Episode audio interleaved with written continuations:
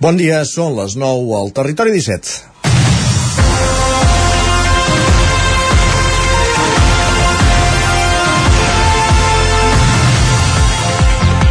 La transició energètica a què ens veiem gairebé obligats per culpa de l'emergència climàtica ha d'anar molt més enllà de substituir l'ús de combustibles fòssils, el carbó, el petroli o el gas natural, per energies netes i renovables.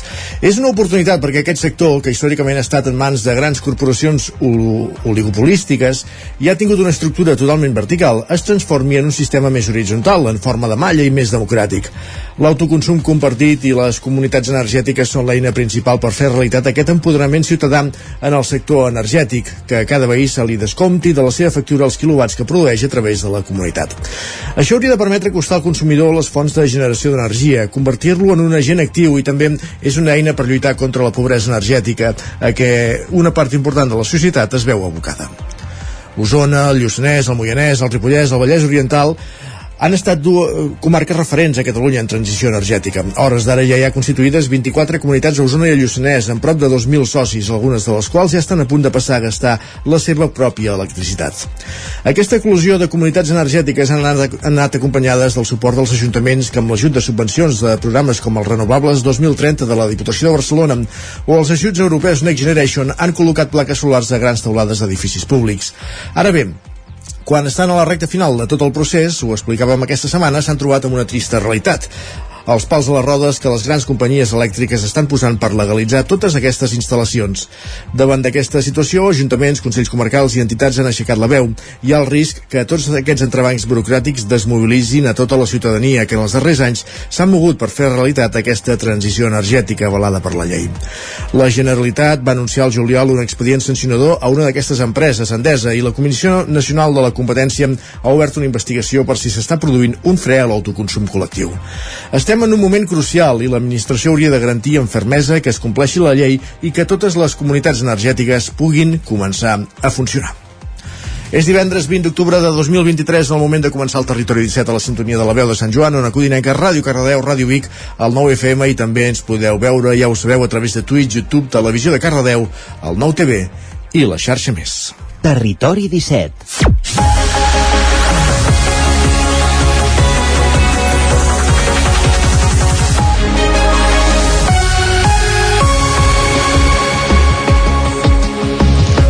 És divendres, comencem el cap de setmana, 20 d'octubre de 2023, en el moment de començar el territori 17, el magazín de les comarques del Vallès Oriental, l'Osona, el Ripollès, el Moianès i el Lluçanès, el territori 17 que us fa companyia cada matí entre les 9 i les 11, durant dues hores. De quina manera, amb quins continguts? Doncs ja sabeu que els divendres la cosa varia una mica, perquè estem als portes del cap de setmana, i el que fem tot seguit és avançar-vos al menú d'aquest matí de divendres, com dèiem, 20 d'octubre de 2023, després d'una nit de xàfecs, de, de pluja. Tenim en Pep Acosta content, de seguida el saludarem. En aquesta primera mitja hora, però, abordarem les notícies més destacades de les nostres comarques en connexió amb les diferents emissores del territori 17. Llavors sí, saludarem en Pep Acosta des d'una Codinenca, el nostre home del temps, i acte seguit anirem fins al quiosc amb en Sergi Vives per repassar les portades dels diaris del dia. Més qüestions a partir de dos quarts de deu, com cada divendres, temps de tertúlia, avui en companyia de Carles Fiter, Jordi Vilarrodà i Gemma Permanyer per aprofundir en diversos aspectes de l'actualitat de les nostres comarques, notícies a les 10, la previsió del temps i avui a partir d'un quart d'onze, els divendres és temps pels esports. Repassem l'agenda esportiva del cap de setmana també en aquesta roda informativa que fem per les diferents emissores del territori 17 a la recta final del programa hi posem música amb en Jaume Espuny, que ens acompanya cada setmana amb un clàssic musical i acabem repassant l'agenda del cap de setmana, també fent roda per les emissores del territori 17. 4 minuts que passen de les 9 del matí, aquest és el menú del dia i ens posem a servir-lo aquí, a la, al vostre magazín, al territori 17, el magazín de les comarques del Vallès Oriental, Osona, el Ripollès, el Moianès i el Lluçanès. La Generalitat està interessada en l'expropiació de 5 pisos buits de Vic a mans de grans tenidors amb l'objectiu de dedicar-los al lloguer social. Sergi Vives, el 9FM. La Generalitat ha adquirit 385 habitatges buits arreu de Catalunya, 137 de la Sareb per poder dedicar-los al lloguer social. El president Pere Aragonès ho anunciava la setmana passada des de Sal, assegurant que el govern està duent a terme una política per afavorir l'accés a l'habitatge sense precedents. L'objectiu que tenen marcat és incorporar 10.000 nous pisos al parc públic públic de lloguer en els propers 3 anys. Tots aquests habitatges, la majoria dels quals de grans tenidors, estaven buits i estaven al mercat, formant part, diu Aragonès, de les dinàmiques vinculades a l'especulació immobiliària. A hores d'ara, a tot Catalunya hi consten més de 31.000 habitatges buits, incloent els de Barcelona. Al febrer de l'any 2021, l'Agència Catalana de l'Habitatge es va posar en contacte amb l'Ajuntament de Vic per fer inspeccions en la vuitantena de pisos buits de grans tenidors que en aquell moment hi havia registrats a la capital d'Osona. Segons la regidora d'Habitatge Núria Oms, la, General, la Generalitat va pagar 24.000 euros perquè l'Ajuntament assumís aquestes inspeccions que van finalitzar el desembre de l'any passat. Aquí ens hem trobat des de pisos ocupats, una trentena, a pisos que no tenen les condicions d'habitabilitat, eh, bueno, una casuística, una amalgama de situacions diverses, però estic parlant de l'any 21-22, per tant, a data d'avui, que ja han passat més de dos anys, podria ser que aquesta situació hagués canviat. Això també ho vull posar en valor perquè eh, això dels pisos, la ciutat és molt dinàmica i el que era el, el desembre del 22 no té per què ser eh, la realitat d'ara. Al febrer de 2023, després d'haver entregat l'informe a la Generalitat, aquesta es va interessar en l'expropiació de 5 pisos de Vic. Des de llavors, segons OMS, l'Ajuntament no ha tornat a tenir resposta. Però va ser una conversa informal, no tenim una comunicació oficial i en aquests moments doncs, bueno, mm, dir que Vic sempre està disposat a col·laborar i evidentment si podem incorporar més pisos perquè la gent de Vic tingui més accessibilitat a l'habitatge, fantàstic, però hores d'ara no sabem eh, pràcticament res més la regidora d'Habitatge assegura que al juliol va demanar una reunió amb la directora de l'Agència Catalana de l'Habitatge per tractar aquesta qüestió, entre d'altres. Encara no hi ha una cita al calendari. Assegura, però, que en els propers dies la programaran. Dilluns es explicàvem la renúncia de dos regidors més de Junts per Sant Feliu, el grup independent de l'exalcalde Pere Pladevall. Avui els hi podem donar veu Roger Ram, zona codinenca. Exacte, bon dia. Lluís Fernández Vila i Nerea Valdevira Català deixaran de ser regidors de Junts per Sant Feliu de Codines en el proper ple municipal. Això us ho avançàvem dilluns. Doncs bé, els dos regidors del partit encapçalat per Pere Pla de Vall, que ocupaven els números 2 i 6 de la llista, que es va presentar a les últimes eleccions, apunten sobretot a motius de temps per a tal d'exercir la seva tasca de regidors a l'oposició. Lluís Fernández apunta un canvi en la seva situació familiar i el fet que ell no tingui voluntat de fer carrera política. L'escoltem. Bé, uh, bueno, m'han canviat una mica les circumstàncies. Jo tinc un, un fill que viu a León i, bueno, ara per circumstàncies familiars hi he d'anar sovint per allà. Uh, a part d'això també m'he trobat doncs, de que també estic bastant fora per Santa Cristina i no m'hi puc dedicar tot el que es podria, el que s'hauria de dedicar a l'oposició, perquè realment s'ha de fer molta feina, s'ha d'estar molt pendent de moltes coses i em trobo limitat amb el, amb el temps. I, I després, com que jo tampoc tenia idea de continuïtat política, la meva idea doncs, era treballar per Sant Feliu, que seguiré treballant, però no des de la primera línia, Fernández va ser caporal de la policia local de Sant Feliu de Codines. Posteriorment, en jubilar-se, va ser comissionat en seguretat del govern, primer amb Pere Pladevall i després amb Mercè Serratacó, càrrec al qual va renunciar al presentar-se amb la llista electoral de Junts. D'altra banda, Nerea Valdevira, que també ha renunciat a la regidoria, ocupava el número 6 a la llista electoral. Tot i que Junts per Sant Feliu va obtenir 5 regidors, ella va prendre possessió el mateix dia de la investidura per la renúncia d'Olga Deu, la número 4. La seva renúncia respon també a motius professionals, ja que actualment està compaginant les pràctiques del màster universitari que està estudiant amb la seva feina. Llavors, ara mateix estic en un horari d'entrar a les 9 del matí, sortir de una oficina i anar-me'n directament a l'altra i sortir a les 10 de la nit. Així que per mi era impossible dedicar un temps a l'Ajuntament o haver d'anar als plens. Eh, llavors vaig, vaig decidir deixar-ho. A més, jo tenia intenció de deixar una de les dues feines i entràvem a l'Ajuntament com a partit guanyador, però clar, com no es va donar el cas, doncs tampoc era una cosa que pogués compaginar les tres coses alhora. De fet, a banda de la investidura, Valdevira no ha pogut assistir a cap ple ordinari. Els dos regidors seran ara substituïts per la número 7 i el número 9 de la llista, Laura Petit i Frederic Sala. La número 8, Marta Busquets, també hi ha renunciat. Però de coses recombolesques en política municipal n'hi ha més. Aquest diumenge, Viladrau, Sergi Vives, al 9FM, s'hi fa la consulta popular sobre quin ha de ser l'emplaçament de l'Ajuntament. Els votants podran triar entre dues opcions, les escoles velles o Can Cià.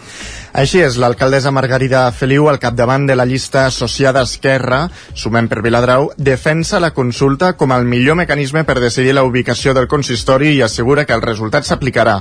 Noemi Basties, però, dels independents que van governar part del mandat passat, qualifica de consulta trampa i diu que no hi participaran.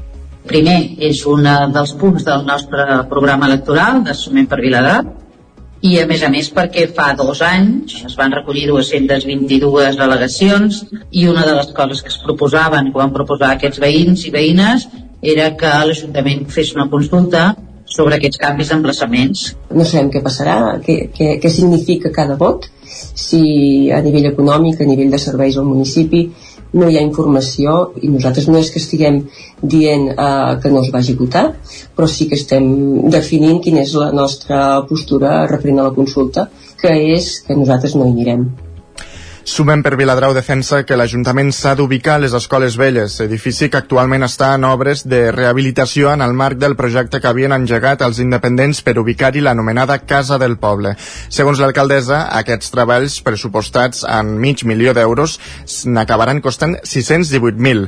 Els republicans defensen l'Ajuntament a les escoles velles perquè és un espai emblemàtic i per motius econòmics i en aquest cas aquest edifici s'ha d'acabar, s'hauria d'haver acabat al setembre del 2022, s'ha d'acabar i com que només s'estan fent obres a la part exterior, és molt fàcil que l'Ajuntament es pugui situar en la part central d'aquest edifici de manera ràpida i per tant poder anar situant tots els altres serveis que són absolutament necessaris.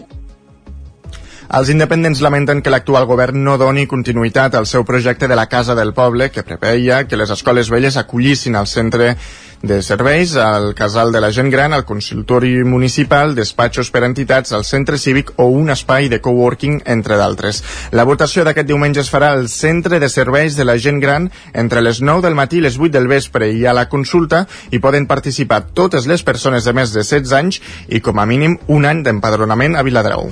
Més qüestions, una trentena de joves participen en un speed dating laboral que ha organitzat a Manlleu, la Fundació Impulsa i l'Oficina de Promoció Econòmica de la ciutat, Sergi. El Centre Cultural de l'antiga Caixa Manlleu, on la Universitat de Vic tenia previst començar a impartir cicles formatius aquest mateix curs, va acollir ahir al matí una sessió de speed dating amb 10 empreses d'Osona i la Garrotxa. Una jornada que organitza, organitzada a quatre mans, l'Oficina de la Promoció Econòmica de Manlleu i la Fundació Impulsa. Una trentena de joves, la gran majoria estudiants de cicles formatius han participat en una sèrie d'entrevistes curtes amb les empreses. És el cas de la Wissal, una d'Olot. L'any passat va finalitzar el grau mitjà de gestió administrativa i actualment està cursant el grau superior d'administració i finances. He vingut amb l'objectiu de donar-me a conèixer les empreses, també agafar experiència a l'hora de fer entrevistes. Crec que és molt important uh, saber parlar, saber vendre't i crec que l'speed dating és una dinàmica que doncs, ajuda molt a fer-ho. Una dinàmica que, de fet, també valoren molt positivament les empreses. Marta Cudina, responsable de recursos humans de l'empresa manlleuenca Mimcort, ressaltava la practicitat de poder fer el primer contacte amb treballadors potencials en poca estona i sense que cap de les parts s'hagi de desplaçar. Correcte, eh, seria aquest eh, el tema, no? que a vegades inverteixes molt temps amb la recerca i aquí és una oportunitat doncs, per trobar-nos de, de cop i volta molta gent i amb, amb objectius comuns, no? Uns buscar i els altres eh, trobar.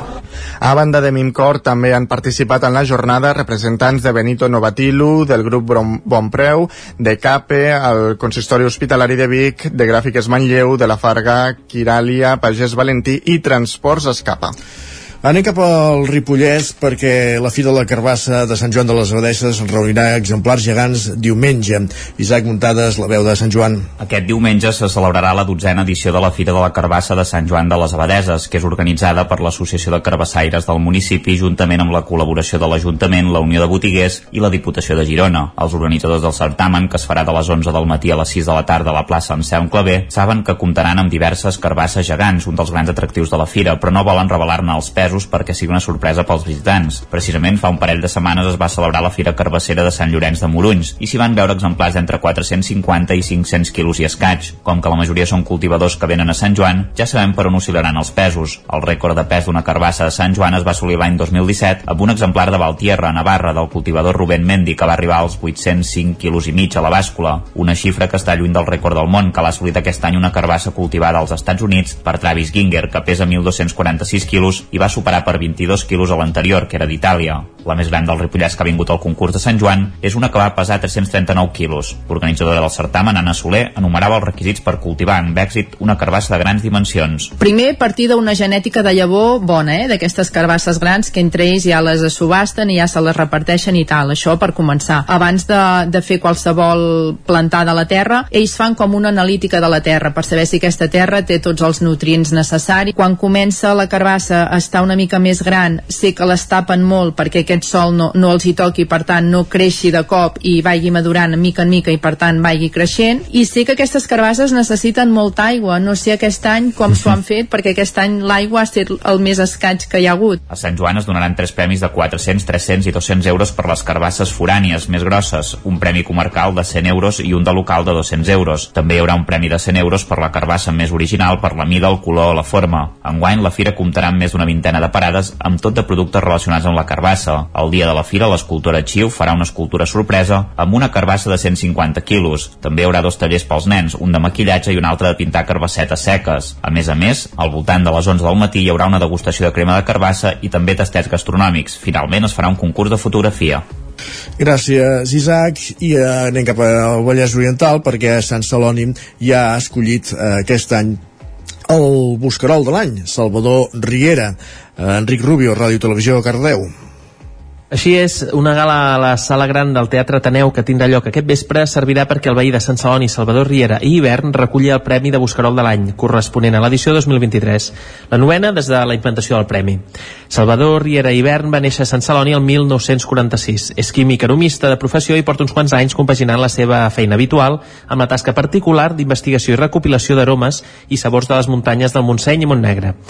Té més de 50 anys d'experiència en disseny, creació i fabricació d'aromes en empreses catalanes i estrangeres i ha exercit de professor de postgrau d'aromes i fragàncies de la Universitat Politècnica de Catalunya i en el curs de Ciències Sensorials i Creativitat aplicades a la gastronomia organitzat per l'UPC i el celler de Can Roca, a més d'haver impartit classes sobre el tema a la Universitat Catalana d'Estiu de Prada de Conflent. Enamorat de Catalunya, Salvador Riera és caçador i naturalista. En aquesta faceta ha col·laborat com a articulista, conferenciant i tertulià en diversos mitjans de comunicació i ha publicat el llibre El Triangle Montseny Corredor Montnegre, el qual és un quadern de caça finalista del Premi Josep Pla de Narrativa.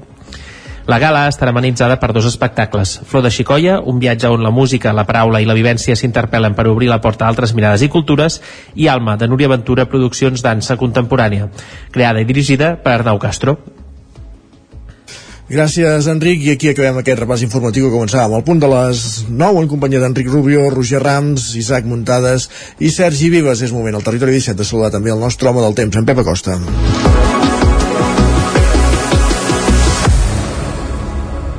Per tant, anem cap a una codinenca perquè s'acosta el cap de setmana i volem saber si aquest xàfec d'aquesta nit matinada es repeteixen, les continuen les properes hores.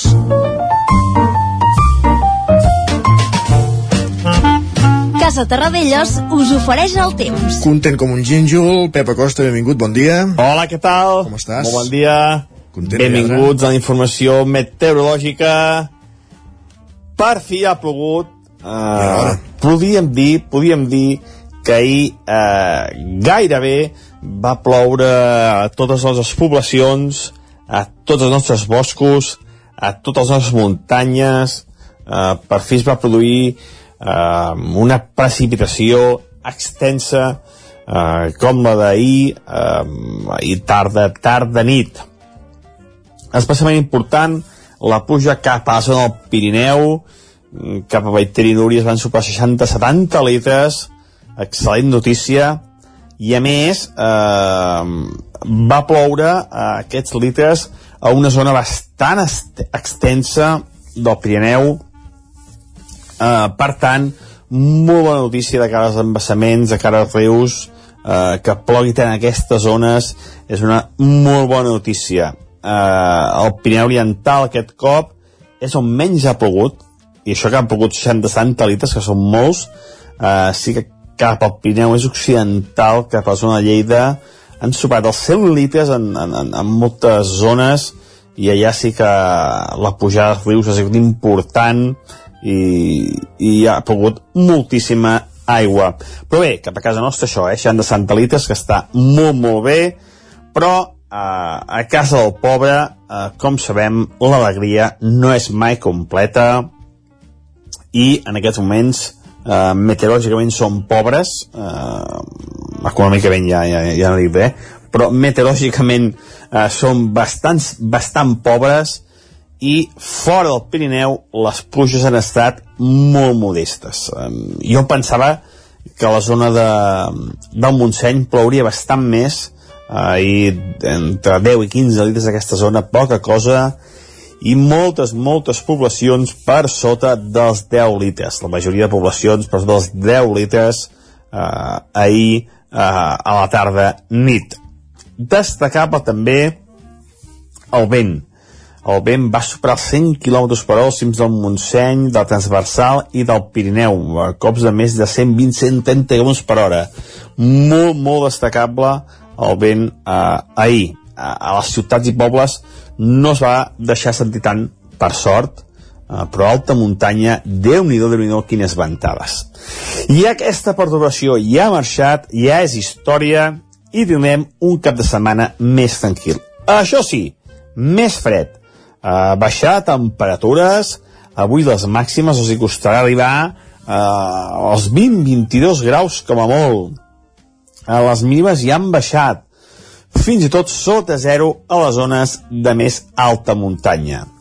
Avui serà un dia força tranquil, eh, molts núvols, però molt poca precipitació. Mm, aquest front ja s'ha allunyat i estarem en, en terra ningú, eh, amb, amb, amb molts núvols, això sí, però sense gaire precipitació. Un temps gairebé igual que dissabte. Uh, la nit de divendres a dissabte encara baixarà més la temperatura, uh, glaçars al Pirineu, moltes mínimes entre els 5 i els 10 graus, dissabte, dia tranquil, només cap a la zona del Pirineu, del Montseny transversal, es pot escapar, es pot escapar, perdó, algun petit ruixat, alguna petita tempesta, molt poca cosa. I diumenge, també dia fresc, eh, moltes màximes no arribaran ni als 20 graus, mínimes novament englaçades al Pirineu, i diumenge hi haurà molts núvols perquè un front s'acostarà però aquest front ens afectarà més dilluns que no pas diumenge. Molts núvols i poca pluja també aquest diumenge. Moltes gràcies, adeu tothom. Doncs vaja, molt soroll per no res al cap de setmana. Gràcies, eh, parlem d'aquí una estoneta. Territori 17. Casa Tarradellas us ha ofert aquest espai. I ara el que fem després del temps cada dia és anar cap al quiosc. Territori 17. Envia'ns les teves notes de veu per WhatsApp al 646 079 023. 646 079 023. WhatsApp Territori 17.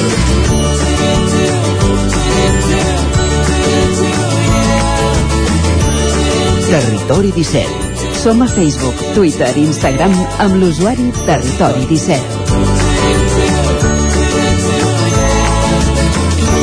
I anem cap al quios perquè volem saber quines són les portades dels diaris del dia. De Sergi Vives, benvingut de nou.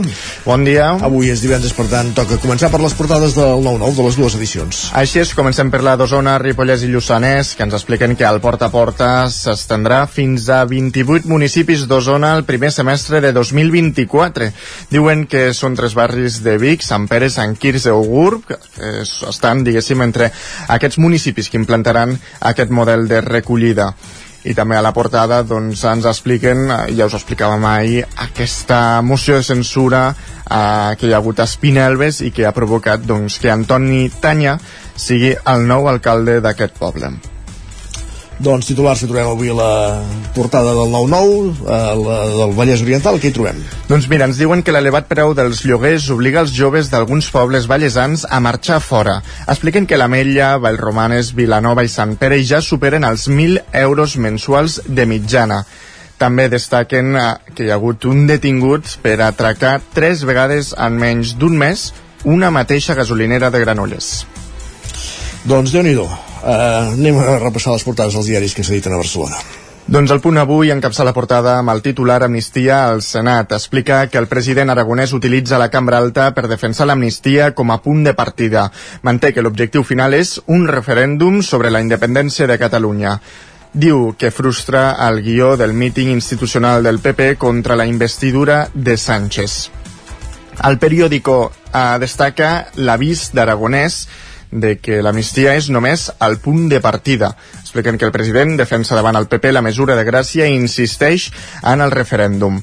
I també veiem a tres persones a la portada del periòdico, són el Ron Wood, Mike Jagger i Kate Richards, són els Stones, que diuen que jugaran al Clàssic, però no seran ells qui correran eh, darrere la pilota, sinó que el Barça lluirà l'icònic logo de la banda davant el Real Madrid. Home, ja, ja fan exercici, sobretot el Mick Jagger del, de l'escenari, sí. però dins un camp de futbol encara no me l'imagino rere la pilota, eh? El camp de futbol amb molts, ja, ja, ja No, no, tocat, no, no. Però, però vaja, ja m'entens. Sí.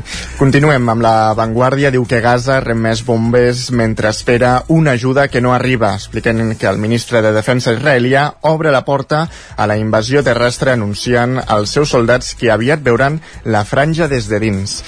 I, mm, i l'última portada catalana és l'Ara, ens diuen que Aragonès defensa al Senat l'amnistia com a punt de partida, expliquen que el president del govern intervé 10 minuts a la Cambra Alta i acusa el PP d'atiar l'anticatila... ja ho diré, anticatalanisme. Uh, I repassem ràpidament portades espanyoles. El País diu que Aragonès veu l'amnistia com a punt de partida d'un referèndum pactat. Expliquen que els barons del PP utilitzen el debat del Senat, al que no acudeixen els socialistes per carregar contra Sánchez. L'ABC diu que el Senat respon a Aragonès i, a, i al silenci de la Moncloa expliquen que el president català acudeix a la Cambra Alta per reiterar a Sánchez que l'amnistia és el punt de partida i el destí, votar la independència, però marxa sense escoltar els barons del PP mm, defensar la igualtat entre els espanyols. Igualtat entre els espanyols, carai, tu. Uh, repassem digital ràpidament el 99.cat edició d'Osona el Ripollès Doncs mira, ens expliquen, i ja us ho hem dit, que Viladrau decideix aquest diumenge la ubicació de l'Ajuntament i a l'edició del Vallès Oriental doncs que entitats ciclistes reclamen un vial segregat de Granollers i Cardedeu. Moltíssimes gràcies, Sergi. A tu. Fem una petita pausa i de seguida temps de tertúlia al Territori 17, Carles Fiter, Jordi Viladorrodà, Gemma Permanyer. El nou FM, la ràdio de casa, al 92.8. Ets conscient de l'aigua que consumeixes cada dia? De vegades ens oblidem que una acció tan senzilla com obrir l'aixeta té el seu impacte en el medi ambient. T'has plantejat mai quants litres d'aigua gastem cada dia? Prens mesures per estalviar aigua a casa? Trobaràs més informació pràctica amb motiu de l'alerta de sequera. Consulta-la a aigüesvic.com barra estalvi. Aigües Vic. Amb tu, clars com l'aigua. Quan tingui un problema amb la seva caldera, vagi directament a la solució. Truqui sempre al servei tècnic oficial de Saunier Duval i despreocupis, perquè som fabricants i coneixem les nostres calderes peça a peça. I ara aconseguiu fins a 300 euros en canviar la caldera. Informeu-vos al 910 77 10 50 o a saunierduval.es. Per moure't, lloga un cotxe ALR. Per moure la família, lloga un minibús ALR. Per moure coses, lloga una furgoneta ALR. Per moure la casa, lloga un camió ALR. Lloguer de cotxes, furgonetes i camions ALR. Ens trobaràs al carrer Francesc Sant Climent 83 de Vic i també a Olot i Manresa. Informa't en el 93 888 60 57 o bé consulta el web alr.cat. Amb Pradell estalvio energia i cuido la meva butxaca i el medi ambient. Posa't en mans a Pradell, són experts en calderes de gas i condensació, estufes de pèl·let, energia solar, terres radiants i geotèrmia. Pradell instal·la calderes de biomassa per a particulars i per a empreses. Si vols estalviar un 50% en consum, contacta amb Pradell i passa't a les energies renovables. Pradell, som a l'Avinguda Països Catalans 27 de Vic. Telèfon 93 885 11 97. Pradell.cat. La qualitat de les teves impressions és important per tu? Estàs cansat que els colors i les imatges no surtin com t'esperes? A Impremta Mater disposem de la tecnologia més avançada i els millors professionals per aconseguir impressions d'alta qualitat. Fem tota classe d'impresos amb acabats professionals. Llibres, catàlegs, revistes, tesis, calendaris, enquadernacions... I, a més, disposem del servei d'impressió digital en gran format, roll-ups, lones, pòsters i molt més. Impremta Mater. Ens trobaràs a la carretera de Sant Hipòlit 23 de Vic o impremtamater.com. Cocodril Club. Si t'agrada la bona música dels anys 60, 70 i 80, escolta el 9 FM els matins de dissabtes i diumenges d'11 a 1.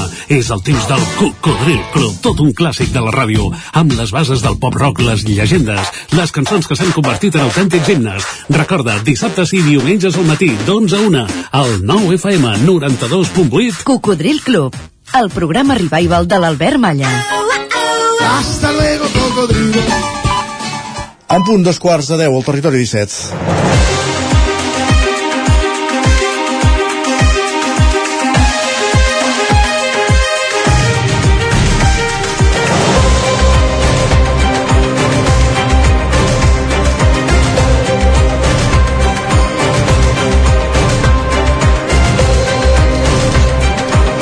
Temps de tertúlia al territori 17, eh, com avançàvem fa uns minuts, en companyia de la Gemma Permanyer, d'en Jordi Vilarrodà i d'en Carles Fiter. Benvinguts tots tres, bon dia. Bon dia. Bon, Bon dia. Uh, divendres 20 d'octubre de 2023 20 d'octubre de 2023 ja ens n'hem fet ressò aquesta setmana però insisteixo, incideixo amb la data perquè el mes de maig hi havia unes eleccions municipals, al cap de tres setmanes, a mitjan de juny, es constituïen els ajuntaments, i aquesta setmana hem viscut una moció de censura a i la renúncia de dos regidors més, ja dic dos més perquè no són els primers, de, de la llista de Junts per Sant Feliu de, de l'exalcalde Pere Pla de Vall de Sant Feliu de Codines, podríem afegir també altres renúncies que van haver-hi just abans de, de, de constituir-se els ajuntaments com la de Miquel Illa, cap de llista del PSC a l'Ajuntament de Vic. En fi, eh, déu nhi eh, van sentir amb el tall de veu els testimonis d'aquests regidors de Sant Feliu de Codines adduint a motius professionals per, per renunciar, dius home, ja, ja sabia eh, o et canvia molt de la nit al dia la, la teva situació personal professional com per acabar renunciant o ja sabies quin passi donava que ja és una mica de, de barra dir, dir que, que plegues. He posat molts elements a sobre la taula en sóc molt conscient eh, Carles, tu vas ser dimecres a Espinelves en aquesta moció de censura eh, l'alcalde efímer ja podem dir-li així, Joan Montserrat que ha fet que, que Antoni Tanyà sigui el, el nou alcalde d'Espinelves Sí, exacte. Eh, Com no podia ser d'una altra manera, en un ple, eh, en un ple extraordinari on s'hi presenta una moció de censura, hi ha tensió, hi ha retrets, i com no va ser, com no podia ser d'altra manera, doncs hi va haver, en, diguéssim, l'alcalde sortint, que és, que és Joan Montserrat, recordem que ell es va presentar per Espinelves pel futur, que és Esquerra, en aquest cas, doncs eh, va carregar durament eh, contra els seus companys de govern i de grup. Eh, què vol dir això? Ell es va presentar, ara ho dèiem, Esquerra, i l'acompanyaven en aquest cas Josep Guixeres i Caterina Carol, que van entrar com a regidors, i van incorporar al govern Antoni Tanyà, eh, de Junts, que ha estat el cas de vingut alcalde, finalment. Eh, per què li van presentar aquesta moció? Els seus tres companys de grup, que deia, i també eh, de partit. Eh, doncs deien que havien tingut una havien perdut la confiança en Montserrat això havia anat provocant malestar fins a arribar a aquesta moció de censura que deia Tanyà que no era desitjada per ningú. I deien, també deien que havien uh, intentat reconduir la situació sense èxit però vaja, el que es va quedar uh, diguéssim descansat va ser Joan Montserrat que va dir que, que la moció precisament ja estava preparada des del mateix dia de, de la presa de possessió, recordem que va ser el juny, va dir que havia viscut fets típics de pati d'escola, entre els quals eh, crits, amenaces, xantatges i faltes acusacions, i vaja, que, que, no, que es va quedar descansat, i els altres tres, diguéssim, podríem dir que van aguantar una mica el xàfec, uh, i no van respondre a, les dures acusacions i crítiques que els hi va fer Montserrat. Pensem que en aquest ple la sala de plens es va omplir, uh, és petit Espinelves, té 200 i pico habitants. La sala de plens també és petita. Sí, sí, sí, exacte, també ho és, per tant es va omplir de seguida i fins i tot hi va intervenir l'exalcalde també republicà Joan, Joan Manel Claveria que va carregar també contra és a dir, va posicionar a favor de Joan Montserrat i va carregar contra el que va anomenar trànsfugues i va dir que estarien pendents de com desenvolupaven aquesta gestió de, de, de, de nou govern. Vaja, ja ho veieu, una, un dimecres tensionat a Espinelves Ara ens imaginem la, això, la tensió que això suposa en un municipi petit, les, les baralles, la gent que no es deu saludar, eh, el que sí, es mira sí. malament, eh, i, i, i això, que, que les tensions polítiques hi són a tot arreu quan passen en pobles petits, són molt més intenses. Eh, de fet, eh, pel, la teva crònica de, de, del, del ple i de tot el que ha passat, Carles, al diari, eh, traspua això, traspua que hi ha un malestar terrible i que, eh, i que no saps ben bé eh, a què respon políticament perquè eh, és evident que en cinc mesos no hi ha hagut temps de desenvolupar una gestió. O sigui, eh, des d'un punt de vista absolutament racional, mirat amb racionalitat no té cap mena d'explicació això. O sigui, que eh, en cinc mesos una persona, un alcalde, no pot haver demostrat si és bo o no és bo gestionant Correcte. I, i, i més eh, de cara als, als regidors del seu propi grup, que això encara hi afegeix una dosi de surrealisme a la cosa. O sigui, eh, des d'un punt de vista absolutament racional, això no té cap explicació ni cap justificació. O sigui, és que no té cap justificació. O sigui, eh, llavors, eh, eh, aquí només s'explica perquè hi hagi qüestions més personals que potser se'ns escapen també, o d'incompatibilitats de, de, de persones persones, que al cap i a la fi potser acaba sent això. Dius, bueno, potser s'haurien d'haver mirat si eren compatibles abans de fer una llista, també no, també, però eh, eh, en realitat aquí qui acabarà perjudicat és el poble, és l'ambient del poble i tot plegat doncs eh, no, no, no portarà gaire res, jo no crec que eh, no sé si hauria estat bon alcalde o no el senyor Montserrat, però és que no ha tingut ni temps de demostrar-ho, i una moció de censura. És un instrument que crec que s'ha d'utilitzar en casos molt excepcionals, quan està molt justificat i quan hi ha arguments perquè la gent, perquè els ciutadans mateixos o, o, o els votants entenguin el motiu pel que es presenta una, una moció de censura. Uh, perquè si no ja veiem tant en, pop, en llocs grans com en llocs petits què acaba passant? Després que a vegades l'alcalde censurat al cap de 4 anys guanya les eleccions per majories absolutes. Aquí no sé què passarà i segurament aquesta persona el senyor Montserrat no voldrà saber res de política mai més de la seva vida.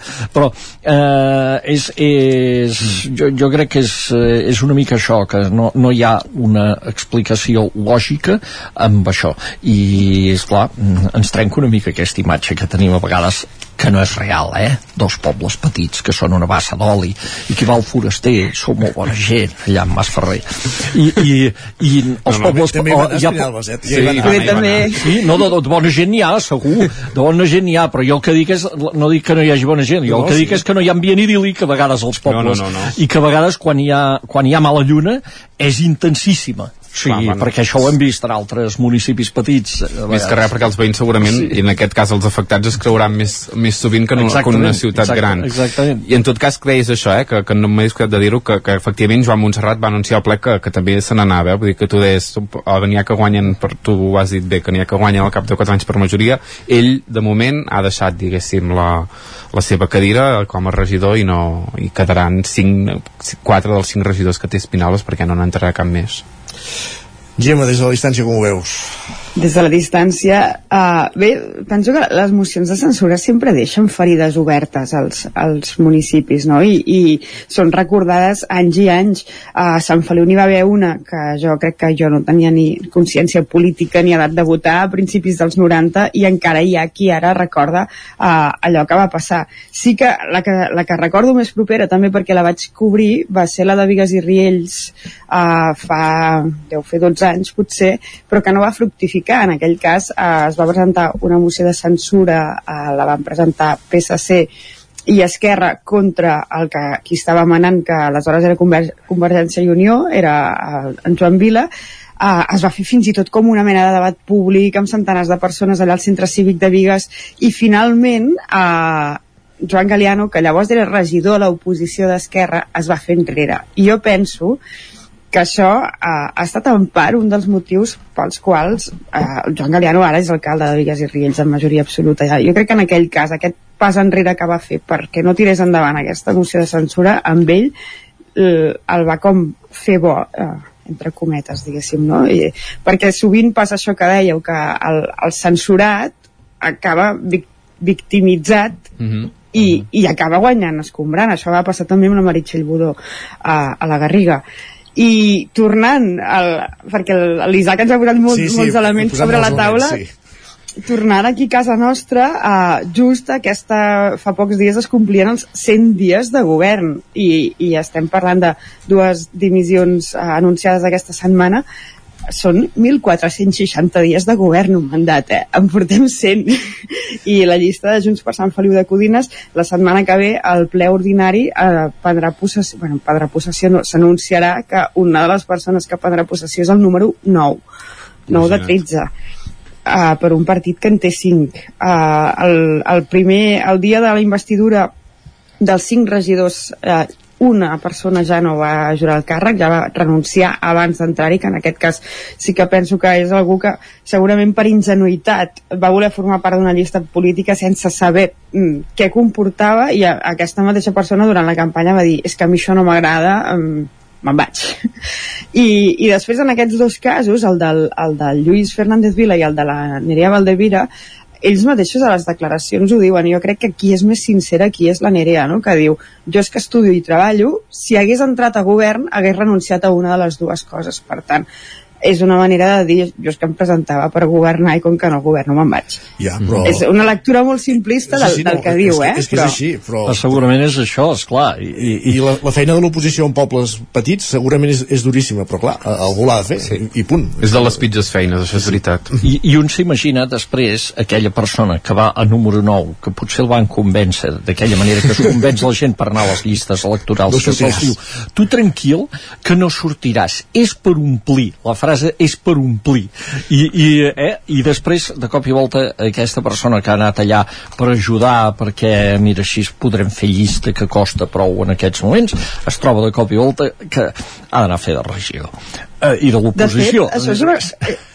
és una constant eh, a les llistes de, del Pere Pla de Vall perquè era la cinquena vegada que es presentava eh, durant les quatre anteriors ha guanyat i ha estat eh, alcalde però fins i tot una de les vegades que era alcalde va, va acabar el mandat que estava al límit de la llista de suplents que tenia el 13 governant per, per tant eh, tampoc és, és nou que hi hagi gent que, Que que, li, que li plegui És que, de fet- Poso el, el, el pronom aquest, aquest sí que li personalitzo una mica De fet, és que imagineu que ara ja torno a Espinelves i, i, i ja cau, eh, perdoneu. Per exemple, l'actual alcalde d'Espinelves, que és Antoni Tanyà, ell va ser el dels menys votats, eh, precisament van ser ell i crec que Caterina Carol, però aquest home de Junts, que no tan sols era, era dels menys votats, ha acabat sent alcalde. Vull dir que la història, i així ho certifica el que ha passat aquí amb aquests regidors que han plegat i que van marxant, doncs canvia molt ràpid, i en aquest cas ell, doncs mira, va ser dels últims i ha acabat sent el primer, el del I- capdavant. I encara la situació d'Espinals encara és més rocambolesca perquè hi ha un cinquè element en discòrdia que és un regidor del PSC que viu a, Clar,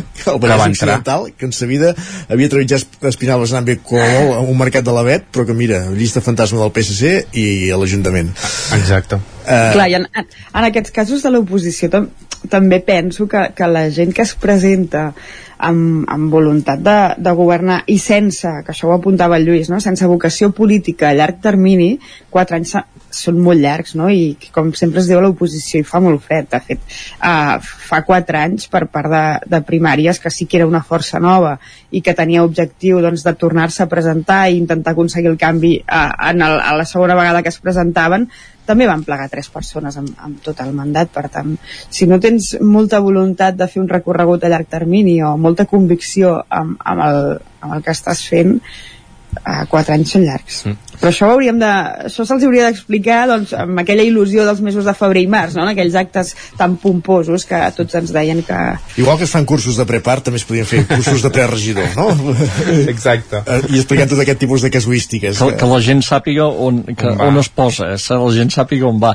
Eh, De fet, va, ara que parlàvem d'aquest eh, regidor de la llista fantasma d'Espinaules, que va anar al ple, per cert, i, i, i com a mínim va tenir eh, el, Sí, sí, sí. la sí. decència d'abstenir-se, perquè eh, a la moció de censura, perquè devia, devia pensar, mare de Déu, però, però, quina, però, però quin merder que munten en aquest poble, o sigui... No, i precisament ell deia una mica això que, que, que explicàvem, eh? que en un poble tan petit una moció desestabilitza i a més a més que ell no veia una mala gestió de l'alcalde perquè tampoc ha tingut temps, vull dir que, que el, la seva, el seu Mirar-s'ho argument... des de fora podeu veure més Sí, objectivament exacte, encara. correcte. Sí, sí, sí, i tant de fora. Jo me l'imagino comprant un record per la família abans de tornar a casa després del ple.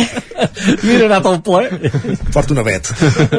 uh, més qüestions Uh, ara que parlem de vets, m'agradaria fer un apunt al sector primari, perquè aquesta setmana ens ha esclatat aquest, aquest document que diu foc als papers, el rum-rum que el sector primari es queixa de tota la burocràcia a la qual el sotmet l'administració fa molt temps que dura, des de tots els àmbits, des d'empreses més grans i empreses més petites, però sí que aquesta setmana em posem l'accent, o és notable, que hi hagi aquest document signat per un col·lectiu de, de dones que aplega 70 ramaderes de tot el Principat, de tot Catalunya, eh, totes elles, en la majoria dels casos eh, d'explotacions molt petites, familiars, de, de, estem parlant d'autoocupació dins el sector primari i que parlen una mica de, de l'asfíxia amb la que es troben a l'hora de- d'emprendre de, qualsevol línia de negoci en, en el sector primari, eh, de la duplicitat de papers, perquè si eh, et vols dedicar, per exemple, a fer formatges, has de declarar la formatgeria, però també has de, de declarar la, la ramaderia de, de llet, la, la part de, de l'animal, sigui de cabra, vaca, ovella, el que, el que convingui, i que això doncs, suposa entrebancs per moltes d'elles i que en alguns casos suposa haver- a- acabar renunciant a dir prou s'ha acabat. I això s'afegeix al fet que la setmana passada coneixíem un, també un ramader de Mollà que deia que faria insubmissió de la, davant l'administració, que n'estava tip i dia que hi anés un inspector i li comencés a, a tocar el que no sona, podríem dir, eh, el convidaria a marxar de casa, perquè mm, tu ja fas les coses bé i, i a vegades et, et sents el més fiscalitzat de, del món, no? En fi, eh, la burocràcia hi és per tothom, eh, evidentment, eh, som un país gran i, i això hi ha tràmits que s'han de complir però de vegades en fem un gra massa d'aquestes ramaderes. I parlava aquesta setmana i em deia Catalunya tenim, tendim a ser en aquest aspecte més papistes que el papa. Uh, tots quatre aquí són profans eh, amb la matèria, no, no, no, no, no som del sector primari però sí que segur que coneixem casos o que, que en, en hem sentit veus i podem fer alguna aportació, diguéssim.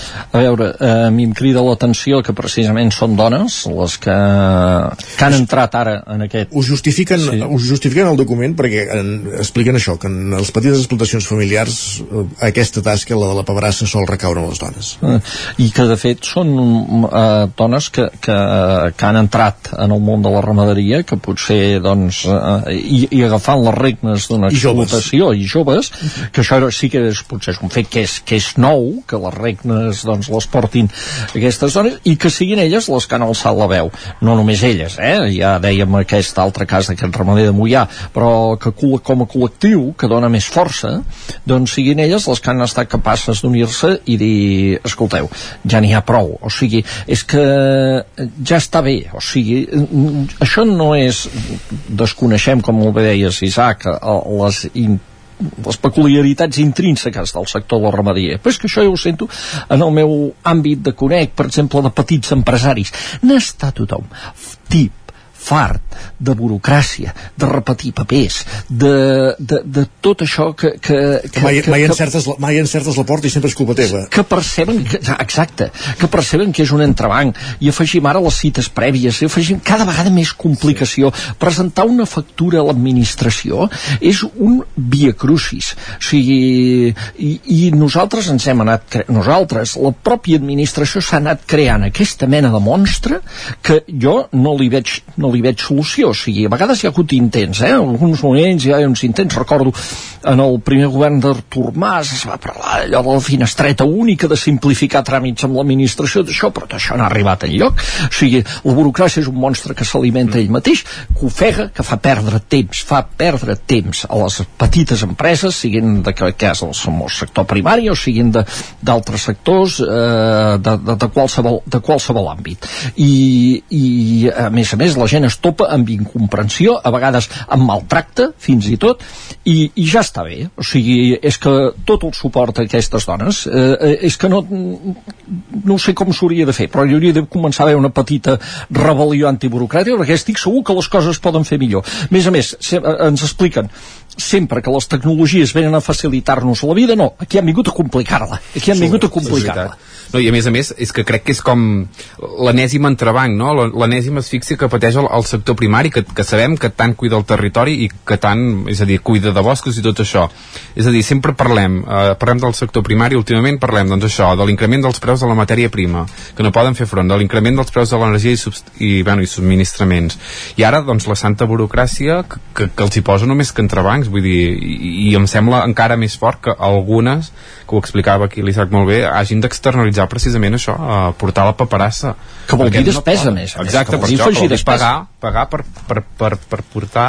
Per, no, i, i el, els, els, els exemples que, passa, que posen, ara dono la paraula, eh, Gemma, eh, el, el, exemple, el, el, el, el fet que, que, que clar, vivim en un món globalitzat i veus experiències en altres països on, per exemple, a França, sense anar més lluny, posen l'exemple, està diferenciat el tracte cap al petit ramader, cap al que ja té una, eh, tendeix més cap a la industrialització i això, en certa manera, tots clar. hi estaríem d'acord i té una certa lògica, evidentment s'han de complir unes mesures sanitàries però elles no s'hi neguen a complir-les el que, el que estan tipes és d'haver de, de respondre com si tinguessis això, una indústria làctia quasi mm -hmm. a casa teva, quan tens un petit obrador per fer formatges no? És, és, no i que la sensació és que d'entrada el ciutadà, o sigui, o en aquest cas l'emprenedor o qui sigui, és sospitós. Sempre. O sigui, es parteix una mena de presumpció de culpabilitat. O sigui, tu ets sospitós sí, d'alguna cosa i has de demostrar que ho fas molt bé mitjançant una quantitat ingent de papers perquè d'entrada ets sospitós. O sigui,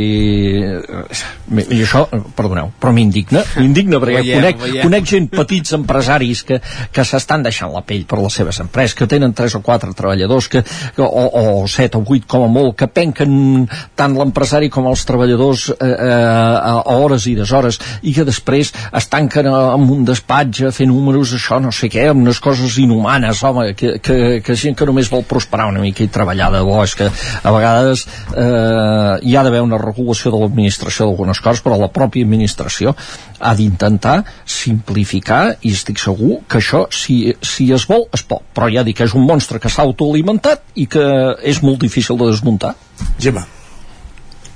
Uh, bastant d'acord amb, amb tot el que s'ha dit jo tampoc conec de prop de, de primera mà el, el sector primari però sí que convisc amb un petit empresari que compleix tot això que diu el, el Jordi i estem en aquella setmana amb què tot això es fa més evident perquè és final de trimestre Correcte. i han, han tancat han tancat IVAs a, a, aquesta setmana i, i és quan, quan es té aquesta nervis. sensació de, sí, de que paguen els plats trencats de tothom. No? Hi, ha, hi ha aquesta, en, en el cas també del, del sector primari, que és el que parlàvem, hi ha aquesta contradicció entre aquests anuncis d'impuls d'un sector i aquesta burocratització extrema que fa que sobretot les explotacions més petites es passin el dia havent de fer papers o justificant que estan fent uh, la seva feina. I això lligat també amb el que deia, no? que la tecnologia havia de fer les coses més fàcils i a l'hora de la veritat les està fent més difícils, eh, es pot extrapolar a, als, als autònoms, a petits empresaris i també a les, a les entitats sense ànim de lucre. Jo, mm, jo no sé si... També, també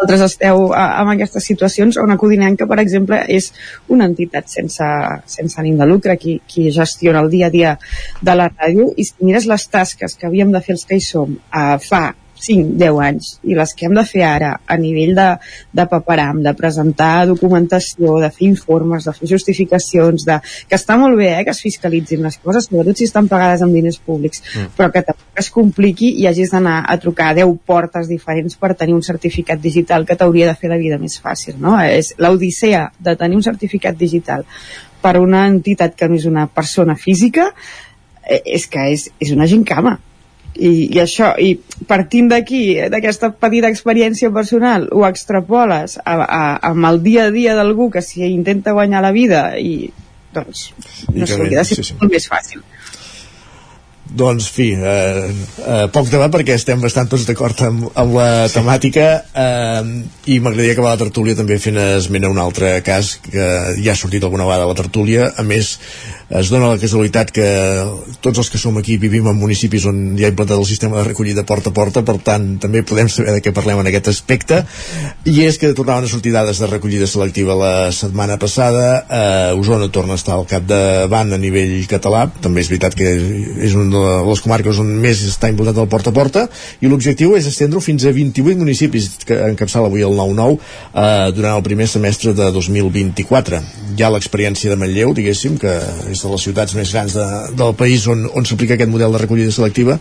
I sigui porta a porta siguin contenidors intel·ligents sí que està clar que s'han d'aplicar sistemes per, per millorar eh, la, la gestió dels nostres residus perquè on hi ha contenidors oberts és evident que, que les dades de reciclatge són molt més baixes Sí, a veure, ara ho explicava molt bé la Txell aquesta setmana, uh, això vol dir que tu, Isaac, ho deies, doncs serà un dels, és un dels sistemes que funciona um, i ara crec que aquí a Osona el que, el que, el que més immediat que ho arrencarà serà Sant Pere. S el, aquí esperem, uh, bueno, informativament també uh, estem amatents aviam quan començarà Vic, perquè al final Manlleu sembla que ja ha quallat i ara Vic també està, eh, en aquest cas emetent de la segona ciutat més gran d'Osona que és Manlleu.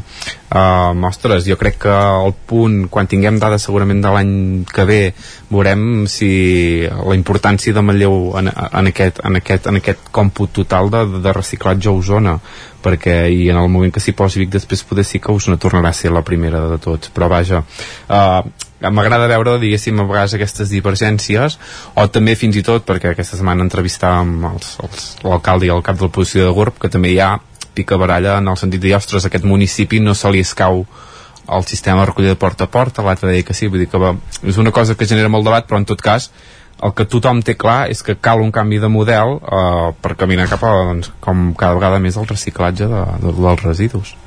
A veure, eh, servidor viu en un poble de Sant Joan de les Adreces de 3.000, encara no 500 habitants i per tamanys d'aquests és un sistema perfecte o sigui, jo crec que ara en el meu poble si es tornés enrere i tornessin a posar contenidors al carrer bé, jo seria el primer de muntar una manifestació, eh? perquè no, no tornar a tenir aquella pudor i aquells entrebancs allà al carrer i aquelles coses i, i, i no, no, ens faltaria, és comodíssim o sigui, t'ho passen a recollir a casa eh, a l'hivern pots sortir gairebé a la porta de casa en pijama si, si estàs allà eh, amb la manteta al sofà surts a deixar les escombraries.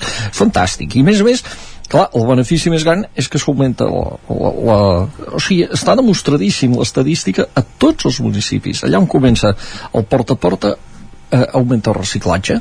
I sempre hi ha aquella cosa de la gent que diu és que jo ja ho feia, tothom ho feia tothom, tothom ho feia, ho sempre, tothom ho fa sempre tothom ho fa molt bé, però quan eh, s'implanta el porta a porta es passa d'un 30% a un 70% així per art de màgia. Però, no, també hi ha el cas contrari, a mi algú també m'ha dit que si fan el porta a porta ho he de separar. No, no, és que separar ja ho has de fer ara. Ja ho has de fer ara, ja ho has de fer però, però vaja, en fi, és ja ho has de fer ara de separar. O sigui, que realment el sistema és efectiu i és com, ara, llavors hi ha l'altre problema en municipis grans, aquí la cosa segurament es complica més mm -hmm. i, i, i el repte és Manlleu fins i tot eh, més o menys vam saber tots doncs, eh, les dificultats que hi havia per implantar aquest sistema a, a Sant Andreu, a Barcelona, barri de Sant Andreu no? o sigui que, sí, hi va tenir una càrrega sí, política sí, important eh, de tenia una càrrega sí. política sí. però sí que, que sembla que com més gran és el municipi més complicat és de gestionar això. Ara bé, eh, em sembla que eh, eh, en els pobles petits la prova és com s'ha extès a les comarques on s'ha implantat i ha funcionat, com s'ha extès. I si en alguna, per exemple, la meva, el Ripollès, el meu municipi continua sent l'únic que ho fa. Per què? Per por política dels altres alcaldes que mai han volgut implantar el porta a porta perquè pensen si l'implanto perdré les eleccions. O sigui, i és una qüestió és una qüestió de, de, de, de, de, això, electoral. El president del Consell Comarcal ens deia, ens deia la setmana passada en aquest programa que era qüestió de que si els pobles turístics. No, no va per aquí, per tant el tema, eh Jordi? no, no, no, no, no va per aquí no va per aquí, no va per aquí. municipi el, el repte de municipis com, com Sant Feliu, que són petits però no tant, és sobretot eh, en els edificis, en els blocs de pisos grossos. És, és on, on hi ha el marge de millora més gran, perquè és on també és més difícil controlar qui ho fa i qui no ho fa, Jo, tot jo he i vist que... com un bloc, jo, perdona, Gemma, jo he vist com un bloc de quatre habitatges i t'asseguro que el, bar, el marge de millora hi és. I, I, és, i, és, I és i molt, i tot i que els que vivim en quatre, blocs eh? podríem posar noms i cognoms a aquella bossa desplaçada, eh, l'administració ho té més difícil per saber qui és, eh, qui no compleix, però, però penso que sí que, que, que en pobles grans es pot aplicar l'exemple més proper. Aquí a la nostra zona el tenim a Palau Solità i Plegamans que ara buscava quants habitants són ho van aplicar ara fa dos o tres anys. Són 14.600 habitants i ells tenen aquest sistema mm, porta a porta amb una mica entre cometes perquè sí que hi ha uns contenidors però que van amb codi de barres. Llavors els veïns tenen unes targetes i depèn de quina matèria toca han d'anar en, en aquell contenidor que és bastant proper a casa seva i, el, i dip, ho dipositen allà amb el, amb el codi de barres i, de, i així està controlat que, qui, qui ho posa i quina matèria és. Uh, aquí a Sant Feliu ho fem des de, crec que és des del 2004, per tant, jo penso que hi ha, hi ha molta gent que ja ha crescut mm, separant que no els hi entra al cap que pots estar a la cuina i barrejar-ho tot en una sola bossa Mira, més o menys doncs, al mateix temps que portava Sant Feliu que Sant Joan de les Abadesses, que és, em sembla, un any menys. Eh, però, sí, sí, és clar. O sigui, ara Clar, jo- hi ha gent que ja, ja ho té, la gent més jove ho té incorporat d'una manera naturalíssima, això, i, i no ens imaginem això, la situació aquella dels contenidors al carrer amb totes les molèsties que comporta i tot plegat. Eh, és, és, és una qüestió d'hàbits. En el primer moment hi ha resistències i després de mica en Sí. mica tothom hi va veient les, les, els avantatges. Avantatges. El que trobo molt interessant i el que comentava aquí la PC era l'alcalde de, de Sants Quirze de Besora, eh, que ell doncs, preferia, diguéssim, esperar el que feien els seus veïns, que és, és a dir, Montesquieu, i fer-ho conjuntament, perquè si no es dona el cas que està passant ara, és que molts veïns de Manlleu doncs, no volen fer el porta a porta, n'hi ha molts que sí, i tiren doncs, les escombraries dels pobles veïns com Gurb, Vic, eh, etc. Vull dir que això a vegades també és important passa. anar tots a la una, Sí. perquè si no es reben els pobles Sí, del sí, costat, sí. i això I tant, passa. tant. Sí, no, però això, això, això va passar a Sant Hipòlit i les Masies. Exacte. Optar pel porta a porta i l'altre no. I és, home, mm, sí. i tenint en compte que, Mala un- que idea. un poble encercla l'altre, mal, mal la peça al taler. Carles Fiter, Gemma Vermanyer, Jordi Vilarrodà, contents de parlar amb vosaltres, hem esgotat el Igualment. temps. Moltíssimes gràcies una setmana Igualment. més. Que vagi bé.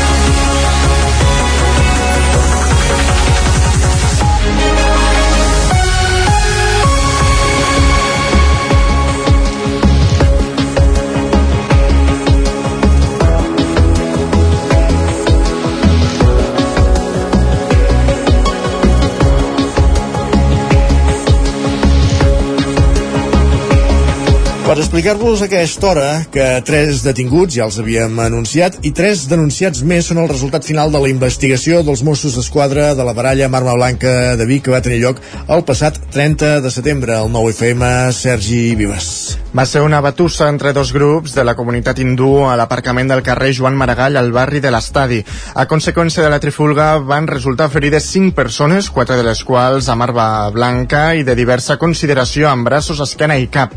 Aquests quatre, que no són cap dels denunciats ni detinguts per la policia, van ser traslladats a l'Hospital de Vic. A un d'aquests, fins i tot, van haver-li d'amputar algunes falanges dels dits per la gravetat de les ferides.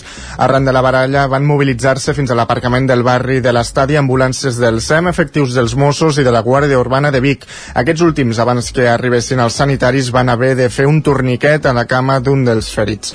Tots els sis homes implicats són veïns de Vic, tal com havia anunciat al seu moment la regidora de Seguretat, Bet Franquesa, i ara, confi ara ho confirma, s'imposaran sancions als implicats de la baralla per sufragar les despeses dels cossos de seguretat i d'emergències. La principal hipòtesi sobre el motiu de la baralla és una disputa sentimental i familiar. Més qüestions, encara a la comarca d'Osona comença la quarta edició del curs de preparació a la paternitat, que ofereix a Osona. Durant set setmanes, homes que han de ser pares es troben amb dues llevadores per tractar qüestions relatives al part i al postpart i també per reflexionar sobre la masculinitat, Sergi. Així és, en Robert és un dels vuit participants al curs de prepart per a homes que han eh, de ser pares que comença a principis d'octubre al Cap Osona. A mitjans de desembre ha de néixer la criatura que esperen amb la seva parella. Quan li van proposar de participar en les sessions amb futurs pares, va tenir clar que s'hi havia d'apuntar. La nostra llevadora ens va informar i no vaig dubtar ni un moment de venir. Sí que és veritat que quan arriba el moment sempre tens certes reticències bueno, costa obrir-se, segons cos però dura 10 minuts i després ja tothom està tothom està encantat i al final venim aquí a buscar una mica connectar amb l'embaràs perquè ja sigui per temes biològics de que no som nosaltres qui, eh, qui tenim el fill a dins com per temes culturals doncs a vegades ens costa una mica això, implicar-nos els participants es troben durant set setmanes abans del part i en una sessió posterior amb les llevadores que s'encarreguen de la formació, Maria Monreal i Esther Muñoz. A través de diverses dinàmiques i converses s'aborden qüestions com l'acompanyament a la parella durant l'embaràs, el part i el postpart, la sexualitat en aquestes èpoques o la conciliació i també la masculinitat. L'objectiu és que el seu rol en la paternitat sigui actiu i facilitar així l'equitat en la criança. Ho explica Monreal de poder xerrar de les seves inquietuds durant l'embaràs, de solventar dubtes sobre el pas, sobre la criança. També es fa un temps de reflexió, es qüestionen sobre doncs, la figura de ser home, eh, com volen ser com a pares, eh, a vegades també parlen de mm, parlem de sexualitat durant l'embaràs, durant el part, també fan una mica de xarxa a banda de les sessions presencials durant el curs, també s'habilita la comunicació virtual entre els participants i les llevadores a través de WhatsApp. Més qüestions, gràcies Sergi, anem cap al Ripollès perquè Camprodon fa obres de formigonatge en alguns camins per millorar-los. Isaac Muntades, la veu de Sant Joan. Si el temps i les pluges intermitents d'aquests dies ho permeten, aquesta setmana finalitzaran les obres de formigonatge d'alguns camins del municipi de Camprodon dins del Pla de Conservació de Vials previst per l'Ajuntament. En concret, es tracta de millorar els camins que donen accés a aquelles residències aïllades en els diferents nuclis del municipi a les quals el seu accés ja és de per si més complex. Aquestes actuacions, gestionades pel Consell Comarcal del Ripollès, es realitzen a Rocabruna, Salarsa i Freixenet. Així ho explicava l'alcalde de Camprodon, Xavier Guitart. Estem aquí, al pavimentat de camins rurals del Consell Comarcal. Un any més dediquem quasi bé 100.000 euros en pavimentat de camins rurals. En aquest cas estem aquí a la zona de Rocabruna, la zona de l'Eixalde, on fem la millora d'aquest pavimentat, 120 metres de pavimentat, o com altres zones, que és la carretera de Bolós i Salarsa, o el camí veïnal de Freixenet, i any rere any intentem invertir una mica més en els camins perquè els nostres veïns i veïnes estiguin eh, millor i puguin arribar més bé accessos de casa seva. En total s'han repartit 360 metres lineals de formigó per pavimentar camins amb una amplada de 3 metres i un gruix de 18 centímetres. El pavimentat del tram de Freixenet es va realitzar fa uns dies, el de Rocabruna es va iniciar dilluns i el de Salarsa dimarts. Precisament per fer aquest tram, que és força transitat, es demanava als veïns que deixessin els vehicles abans de l'actuació, ja que durant els 3 dies previstos per l'assecament de l'asfaltatge no s'hi podia transitar. Parlant d'asfaltatge, cal recordar que a finals de setembre es va fer una actuació a la carretera GIP 5223, des del coll de la Buixada de Camprodon fins a la travessera de Rocabruna per tal de millorar la carretera que porta fins a la C38 al nucli de Beget i fer-la més segura i transitable. Més d'una vintena de persones participen en el projecte Reforçant Vincles de Sant Celoni i Llinàs. Enric Rubio, Ràdio Televisió Cardedeu. Així és, Isaac. Reforçant vincles és un projecte impulsat per la Creu Roja per donar suport a la gent gran en la seva autonomia i en prevenir la solitud. Dimarts d'aquesta setmana, les participants de Reforçant vincles de Sant Celoni i Llinars van anar d'excursió a Banyoles. Eren dues tècniques de la Creu Roja, 7 voluntaris i 37 dones i homes que van participar d'una distesa volta en barca al llac de Banyoles i un dinar més ball exclusiu. La iniciativa cerca impulsar una comunitat en suport a la gent gran, en la seva autonomia i en prevenir la solitud no desitjada. Setmanalment es fa una activitat grupal a la qual està tenint molt èxit d'acollida, el Cafè en Companyia, que es du a terme els divendres de 10 a 11 i mitja a la sala Bernat Martorell a Sant Saoni i els dimarts de 10 i mitja a 12 al Casal Cívic de Llinàs. Doncs prenem nota de tot plegat. Gràcies, Enric. Més qüestions. Sant Feliu de Codina celebra un any més la festa de la gent gran amb la cohesió social i l'envelliment actiu com a principals objectius. Roger Rams, zona codinenca. Ah, exacte, aquest divendres es dona el tret de sortida una nova edició de la Festa de la Gent Gran de Sant Feliu de Codines, un esdeveniment que fa anys que se celebra i que inclou activitats, com ara un espectacle de màgia, ball o un sopar de germanor, entre altres, que es duran a terme aquest cap de setmana. Un dels al·licients d'aquesta celebració és apropar a la gent gran actes que no tenen durant l'any, com explica la regidora de Cultura, Caral Vinyals dinamitzar, ser un espai de trobada, compartir les activitats que fan durant l'any, uh, proporcionar-los activitats que no tenen durant l'any, com és un espectacle de màgia, per exemple, doncs fer una mica de celebració. Amb tot plegat es pretén dedicar unes jornades a les persones grans amb l'objectiu de mantenir la població activa i fomentar la cohesió social d'aquest col·lectiu. Es tracta d'una activitat que ja té una tradició molt arrelada i el seu objectiu és promoure al final doncs, la quedada, la participació, la integració, uh, d'aquest col·lectiu, no?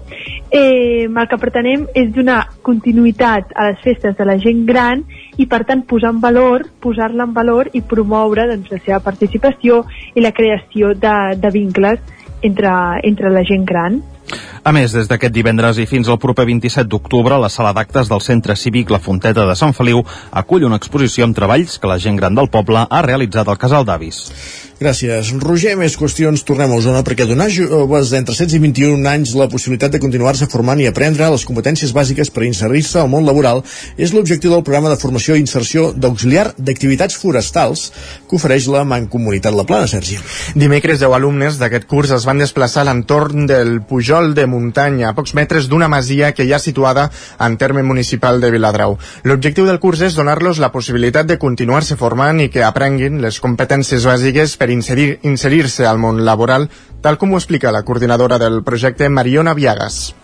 Doncs bé, es tracta d'un PFI, que és un programa de formació i inserció, en la modalitat de PTT, és a dir, de Pla de Transició al Treball, i l'especialitat es diu auxiliar d'activitats forestals. I des de la Mancomunitat La Plana el vam impulsar eh, el setembre passat, el setembre del 2022, per tant aquest any els, els joves que tenim són la segona promoció, i l'objectiu bàsicament de, del curs és oferir noves oportunitats formatives a joves de 16 a 21 anys que pels motius que sigui doncs no han acabat el, la secundària. A banda de les assignatures comunes a l'aula, com poden ser llengua catalana, anglesa o matemàtiques, la formació se centra en gran part en la part pràctica. Ho explica un dels professors del programa, Joan Marfil. Són nanos que els hi costa molt doncs, estar dintre d'una aula tancats, llavors bueno, eh, intentem doncs, aquí està una mica l'èxit del programa, no? en què compaginen doncs, aquesta formació pràctica amb la formació teòrica. El curs que es desplega entre les dependències de la Mancomunitat i les de l'Associació Estella Montseny finalitzarà el mes de juny. I eh, en la plana esportiva, Eloi Palau rebia aquest dimecres un dels 12 guardons del trofeu Campions en Valors de Mundo Deportivo. El ciclista de bici trial de Viladrau recollia el premi dimecres al Gran Teatre del Liceu de mans de la presidenta del Parlament, Anna R, la consellera de la presidència, Laura Vilagrà, i la secretària general de l'Esport, Anna Caula. A Palau se li reconeixia així l'esperit de superació després del greu accident que va patir l'any 2019 a les Dolomites, quan en una excursió li va explotar una bomba de la Primera Guerra Mundial que li va provocar lesions a les mans, a la vista i a l'oïda. Palau va tornar a competir després de diverses operacions i de recuperar-se de l'accident i l'any passat es va proclamar campió del món de tria Lucy. Palau es mostrava content pel reconeixement. Jo crec que està molt bé fer actes com aquest, per això mateix que dius, per, per no només eh, tenir l'èxit com, com a esportista, sinó també com a, com a persona i tot el que ha superat i després de superar aquest accident, en el meu cas, doncs aconseguir el, un èxit esportiu important. Palau també va parlar sobre els seus futurs reptes. El futur més pròxim realment és tornar a revalidar el títol del, de campió del món, però també intentar, uh, bueno, tot és guanyar, però guanyar la Copa del Món i, i guanyar l'europeu. Aquests són els... Bueno, és el que tinc per assolir. Entre els premiats a la cerimònia també hi havia la futbolista del Barça, Marta Torrejón, la nedadora Sarai Gascón, l'esquiador de muntanya Oriol Cardona, la Federació Catalana de Bàsquet pel seu centenari o l'equip ciclista Massi Tàctic. Els premis reconeixien esportistes i entitats pels èxits que han transcendit l'àmbit competitiu. Gràcies, Sergi. Acabem aquí aquest repàs informatiu que començàvem al punt de les 10 en companyia de Sergi Vives, Isaac Muntades, Roger Rams i Enric Rubio. Moment de saludar també el nostre home del temps, en Pep Acosta.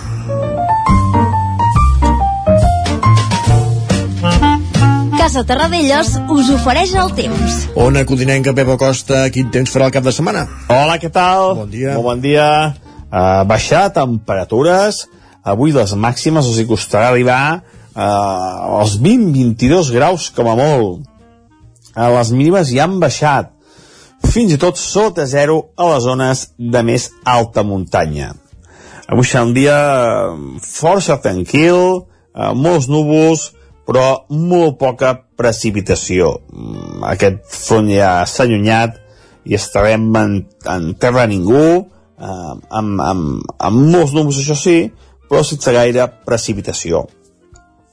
Un temps gairebé igual que dissabte. Uh, la nit de divendres a dissabte encara baixarà més la temperatura, uh, glaçades al Pirineu, moltes mínimes entre els 5 i els 10 graus. Dissabte, dia tranquil, només cap a la zona del Pirineu, del Montseny transversal, es pot agafar, es pot escapar, perdó, algun petit ruixat, alguna petita tempesta, molt poca cosa.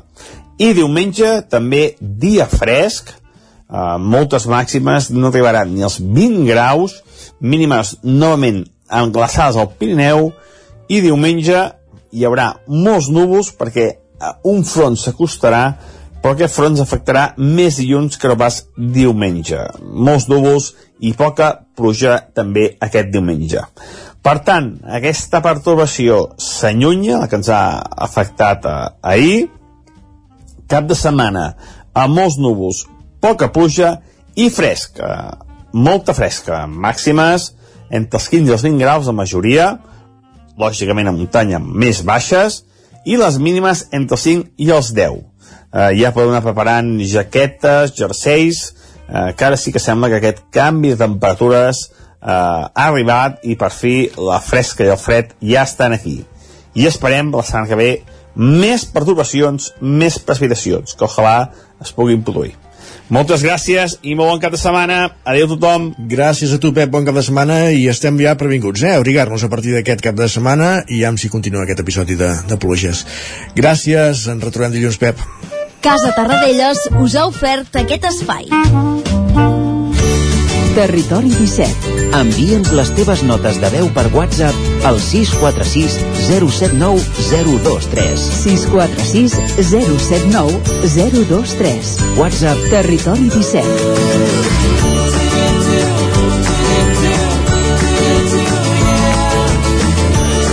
Territori 17. Som a Facebook, Twitter i Instagram amb l'usuari Territori 17.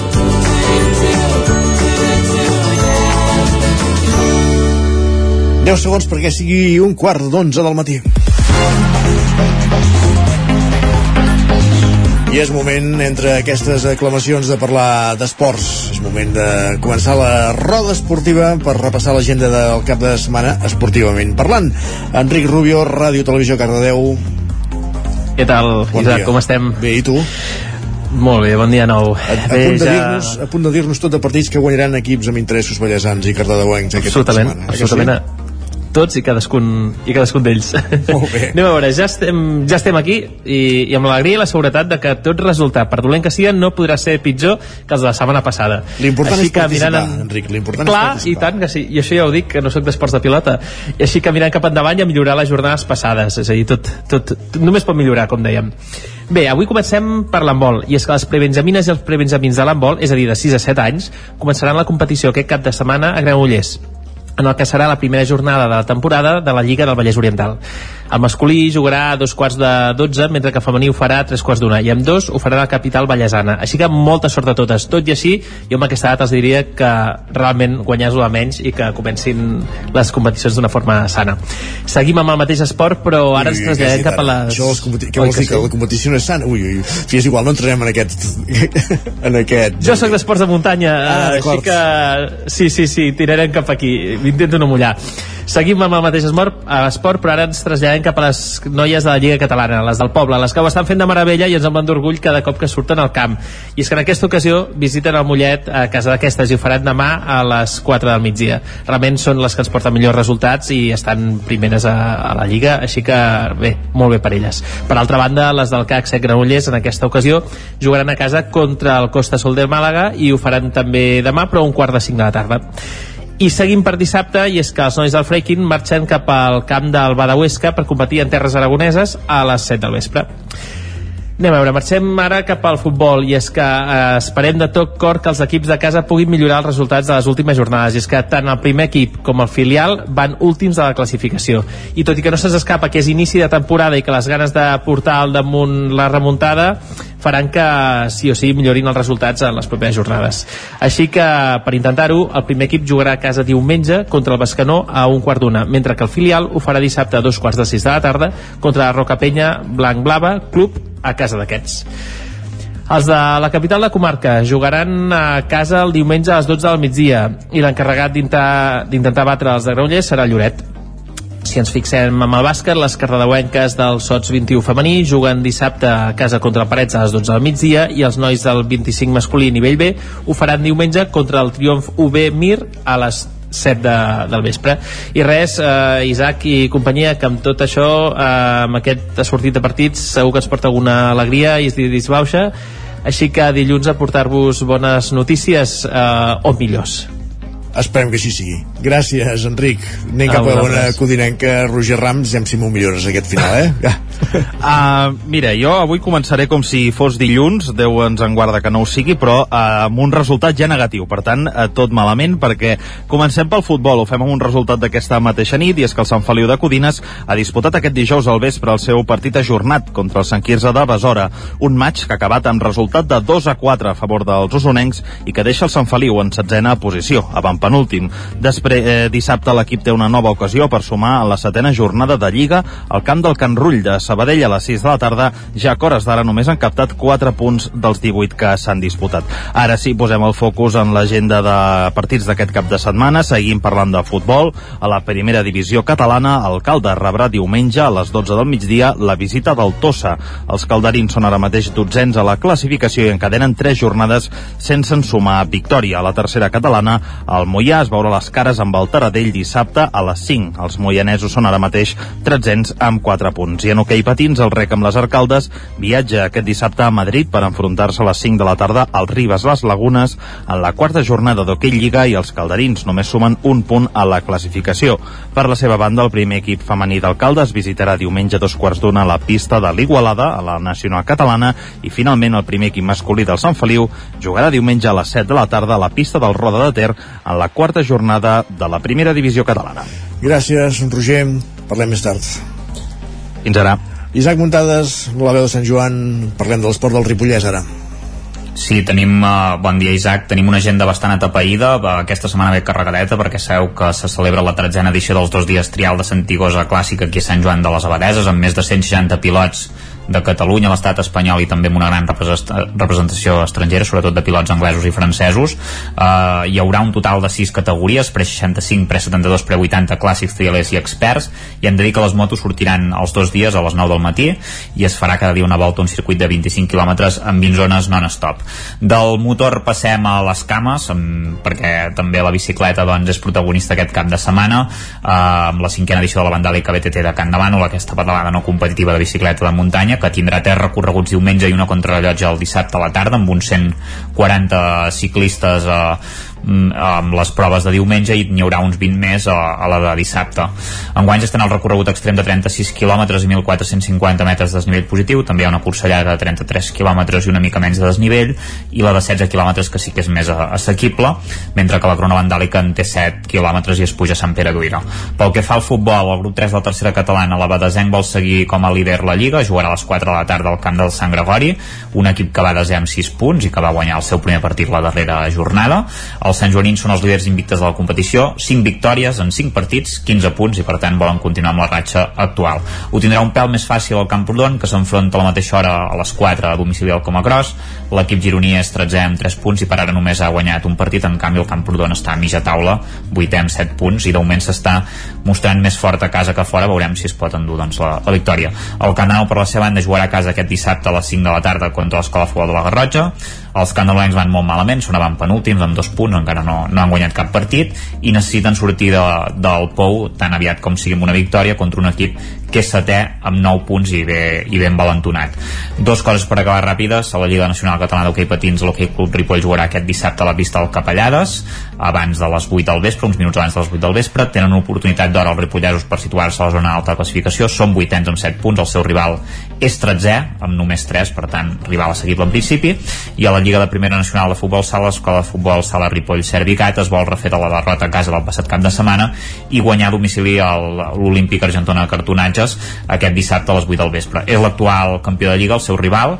Uh, bé, només porten uh, el Ripoll és tercer amb 3 punts, amb un sol partit jugat, els, els mateixos que, que l'Olímpic Argentona. Gràcies, Isaac. I parlem també més tard. Acabem aquest repàs esportiu eh, repassant l'agenda la, esportiva a Osona, eh, des del nou FM amb en Guillem Sánchez. Bon Què tal? Dia, Guillem. Com estem, Isaac? Bé, i tu? Que tens ganes de veure futbol, hoquei, okay, anar a córrer, anar a veure bicis...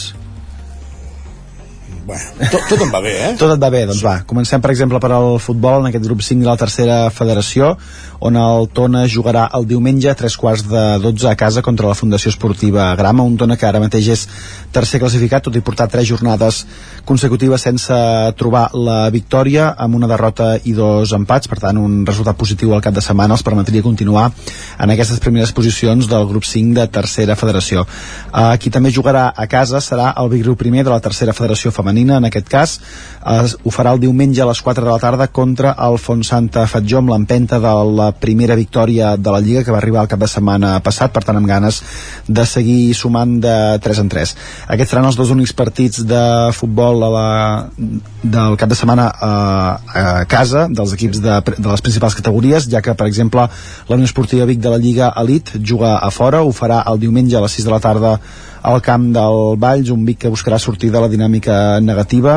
Els biguetans sumen 7 punts, els mateixos que tenen el seu rival, per tant també un triomf els permetria escalar alguna posició a la classificació i, i qui també vol mantenir la bona ratxa és el Manlleu, que ara mateix és el líder del grup 1 de primera catalana, amb 5 victòries també en 5 partits disputats fins al moment. El diumenge a les 5 de la tarda, els homes de Manel Sala es desplacen al camp de l'escola Futbol Mataró, que ara mateix ocupa la zona baixa de la classificació amb només 4, 4 punts. Per tant, una victòria els permetria continuar en aquesta primera posició de la classificació després de, de 6 jornades. També tenim hoquei okay al cap de setmana aquí a la comarca d'Osona. Amb el partit del Voltregà amb el Ventos estem també contra el Mataró aquest, aquest dissabte a les 8 del vespre a Sant Hipòlit de Voltregà. Un Voltregà que hi arribarà després d'aconseguir també la primera victòria de la temporada aquest dimecres en el partit que va disputar a Girona on es va acabar imposant per 0 gols a 2 qui vulgui veure hoquei okay patins aquí a la comarca eh, també ho podrà fer a la pista del Pativic, ja que tenim hoquei Lliga Plata en el grup nord. Dissabte a dos quarts de, de vuit, l'Olímpic de Vic acollirà aquest duel entre el Pativic i el Vendrell i qui també jugarà en aquesta, en aquesta categoria és el Martinelli a Manlleu dissabte a les 8 del vespre a la pista del Cerdanyola i també ho farà el Taradell dissabte a les 5 a la pista de l'Alcobendes en aquest cas en el grup sud d'aquesta Hockey Lliga Plata. També tindrem Hockey Lliga Femenina amb el Voltregà que juga a fora el diumenge a les 12 a la pista del Benvibre i altres propostes també. Isaac, va, uh, ets de córrer, ets de bici, no ets de... Que no veus? No sé, pregunto, pregunto. Soc de sofà, mare, malauradament, va. No, no sé si la cursa i caminada de Sant Galderic de, de Tavernes la fan per la, per la tele, no ho sé. No. no. La cursa de 10 quilòmetres encara la fan, aquesta la vaig fer una vegada, eh? Mira, diumenge a partir de les 9 del matí fan distàncies 11 quilòmetres i 21. Mm. Et deixem triar. Vaig fer, la vaig fer quan en feien 10. Ara, 11 ja és massa. 11, 11 és massa. Sí. Va. Doncs va, tenim aquests eh, partits uh, uh, del cap de setmana aquí a la comarca d'Osona, altres cites també, per exemple, en futbol sala, el Divisió d'Honor del Manlleu jugarà Uh, demà dissabte un quart de set de la tarda a la pista del Bacarisses i hem de recordar que de moment aquest cap de setmana no tenim partit de Lliga EVA del Club Bàsquet Vic Universitat de, de Vic tampoc hi ha partits de tenis taula per tant la jornada una mica més reduïda però bé amb aquestes cites que hem parlat de futbol i hoquei okay, per, per omplir aquest dissabte i diumenge pels camps i pistes de la, de la comarca i tu què aniràs a veure, va? jo tinc dissabte un parell de, de partits a Sabadell i a Centelles. Els jugues tots dos? faig d'entrenador. Ah, i el diumenge de moment el tinc lliure per tant ara acabaré de mirar-me l'agenda amb una mica més d'ull. Desconnecta una mica home Sí, sí, no. Però si no, què faríem? Ah, no sé. Si no, què faríem? Va, molt bé, Guillem. Que vagi molt bé, Gràcies, Jack. bon cap de setmana. Igualment. Nosaltres el que fem tot seguit és una petita pausa, tres minutets, i ja ens espera en Jaume Espuny amb un dels seus clàssics musicals que ens porta cada setmana. I avui escoltarem música dels Who. Uh, aquí, com dèiem, els clàssics musicals, com cada divendres amb en Jaume Espuny, al punt de dos quarts d'onze del matí. Abans, però, una petita pausa aquí al Territori 17. Tres minuts i tornem. El nou FM, la ràdio de casa, al 92.8. Ets conscient de l'aigua que consumeixes cada dia? De vegades ens oblidem que una acció tan senzilla com obrir l'aixeta té el seu impacte en el medi ambient. T'has plantejat mai quants litres d'aigua gastem cada dia? Prens mesures per estalviar aigua a casa? Trobaràs més informació pràctica amb motiu de l'alerta de sequera. Consulta-la a aigüesvic.com barra estalvi. Aigües Vic. Amb tu, clars com l'aigua. La qualitat de les teves impressions és important per tu? Estàs cansat que els colors i les imatges no surtin com t'esperes? A Impremta Mater disposem de la tecnologia més avançada i els millors professionals per aconseguir impressions d'alta qualitat. Fem tota classe d'impresos amb acabats professionals. Llibres, catàlegs, revistes, tesis, calendaris, enquadernacions... I a més, disposem del servei d'impressió digital en gran format. Roll-ups, lones, pòsters i molt més. Impremta Mater. Ens trobaràs a la carretera de Sant Hipòlit 23 de Vic o impremtamater.com. L'infopodcast del 9-9 amb Sílvia Pedret. Cada dia et donem les claus de les notícies més rellevants de casa nostra. Vivim en una comarca que s'està demostrant pionera en transició. Desperta't cada dia amb l'infopodcast del 9-9. Aquesta setmana tornen a ser notícia els pantans perquè han baixat... El trobaràs a dos quarts de vuit del matí al 99.cat, Spotify, iVox i, si ho vols, te l'enviem directament al mòbil. Subscriu-te als canals de WhatsApp i Telegram del 99. Soc Sílvia Pedret. Comencem. Hasta luego, cocodrilo. El programa Cocodril Club arriba als 30 anys en antena. Vine a la festa d'aniversari. La celebrarem el diumenge 22 d'octubre de 18 a 22 hores a la discoteca Barrocos, Aribau 242 Barcelona, amb les cançons que més us agrada ballar de tots els temps. Actuaran com a padrins Leslie del Cirex. Maldigo mi destino. Mi estrella se eclipsó. i Santi Carulla dels Mustang.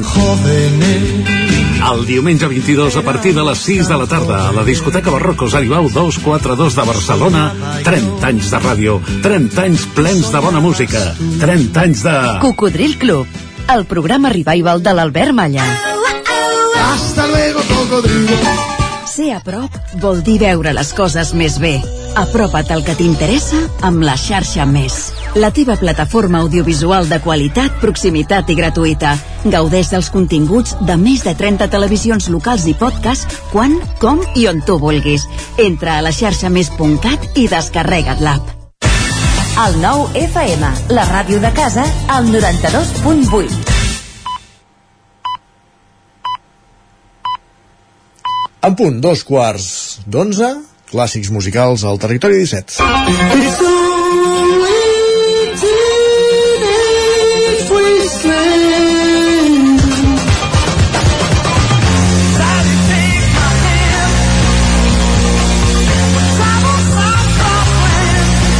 Jaume Espuny, benvingut, bon dia. Bon dia. D'això se'n diu començar el cap de setmana energia, amb energia, Ah, exacte. la música dels Who, que vaig quedar eh, aclaparat ahir, quan vaig saber que era el primer cop aquesta setmana que tu, havien actuat a Barcelona al llarg de la seva història. Sí, sí, sí, és, és, és força fort. El 2006 estava programat un concert, però no, hi havia, no van vendre prou entrades i es va anul·lar. déu nhi estaven, però jo, aquesta cançó que estaven sentint, que a mi m'encanta, és un dels millors començaments d'un disc que, que per mi que ha existit. Mhm. Aquesta cançó és Baba O'Reilly, uh, del disc Who Next, del 1971, era el Yes. seu sisè disc. Molt bé. Eh, el, els Who són el, els discos més famosos que tenen són dues òperes rock que és Tommy, una, i Quadrofenia l'altra, sí. que per cert les dues van passar al cine, van fer dues pel·lícules, però els crítics et diran sempre que el millor disc dels Who és aquest de l'any 1971, Who's Next. Uh, aquí Picton Zuet, el líder, guitarrista i compositor de tots els temes, uh, estava una mica enamorat dels sintetitzadors que llavors començaven i comencen sintetitzadors però els col·loca, els col·loca allà on s'ha de col·locar sense abusar, no? Uh -huh. Està bé. Ara sentirem un, un, un, tema més, més simple que Bergain.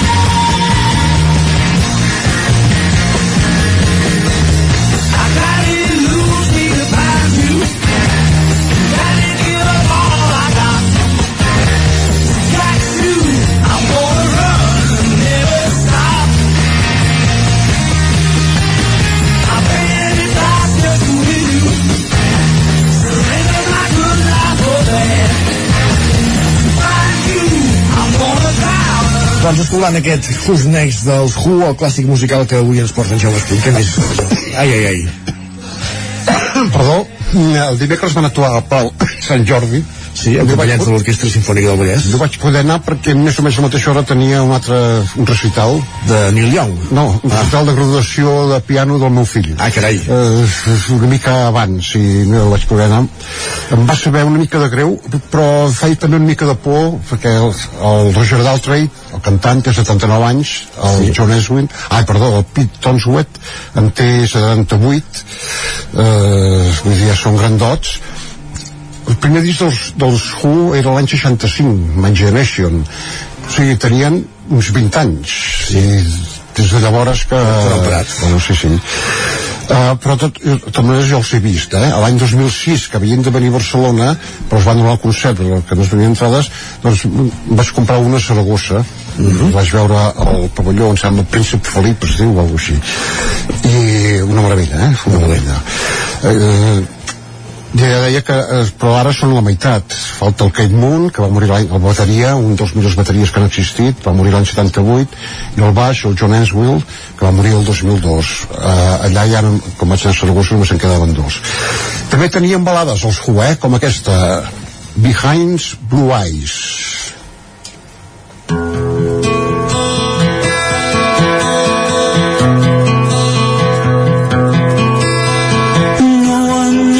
what it's like to be the bad man, to be the sad man behind blue eyes.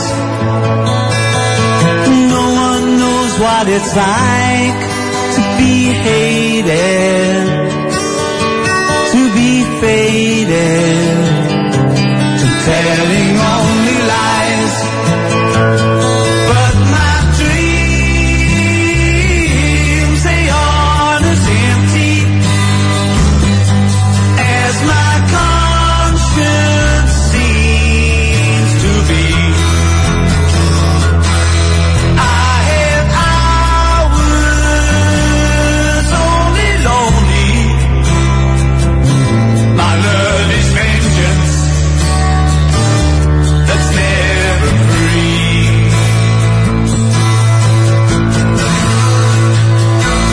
aquesta és més tranquil·la. Sí, uh, una bada. La veu del Roger Daltrey eh, sempre m'ha agradat molt, la veu, doncs, i vaig llegir que 79 anys i que pràcticament la conserva intacta. La cuida, la, la cuida d'allà sí. els anys. Uh, el disc també és famós, aquest disc, per la portada, sí. una de les portades dramàtiques, que es veu en els quatre dels Who, una mena de desert, un monòlit, monòlit, eh, que acaben de fer pipí allà a les taques acaben de fer, s'estan pujant les camelleres vaja de la, de la bragueta. Eh, que jo diria que representa una mica eh, el monòlit de 2001 una odissea de l'espacio una odissea de l'espai. Eh, com sempre a la portada de l'any 71 la van censurar aquí a Espanya i es veien els Who tocant i ja està. Però ara ja la tenim la tenim aquí uh, és que anem una mica de pressa perquè l'última cançó del disc que és la meva preferida que m'encanta també ja comencen sintetitzadors i les, es convidarem amb aquesta. Uh, One Get Full Again. Fins la setmana que ve Jaume. Molt bé. Bon cap de setmana.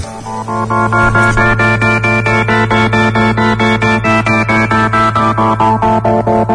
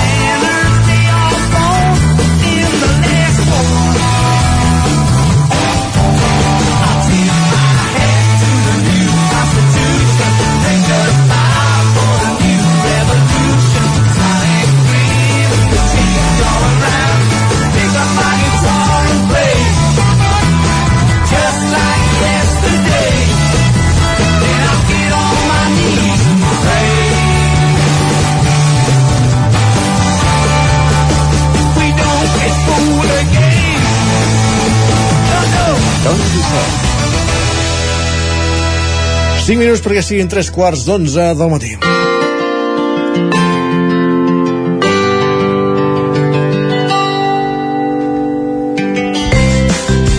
I és moment d'anar de cap de setmana, per tant és moment de repassar què és el més destacat que trobem a l'agenda d'aquest cap de setmana des de les diferents emissores del territori 17. Comencem avui aquest recorregut des dels estudis del 9FM on ens hi acompanyen una setmana més Jordi Vilarrodà i Miquel R. Benvinguts, bon dia.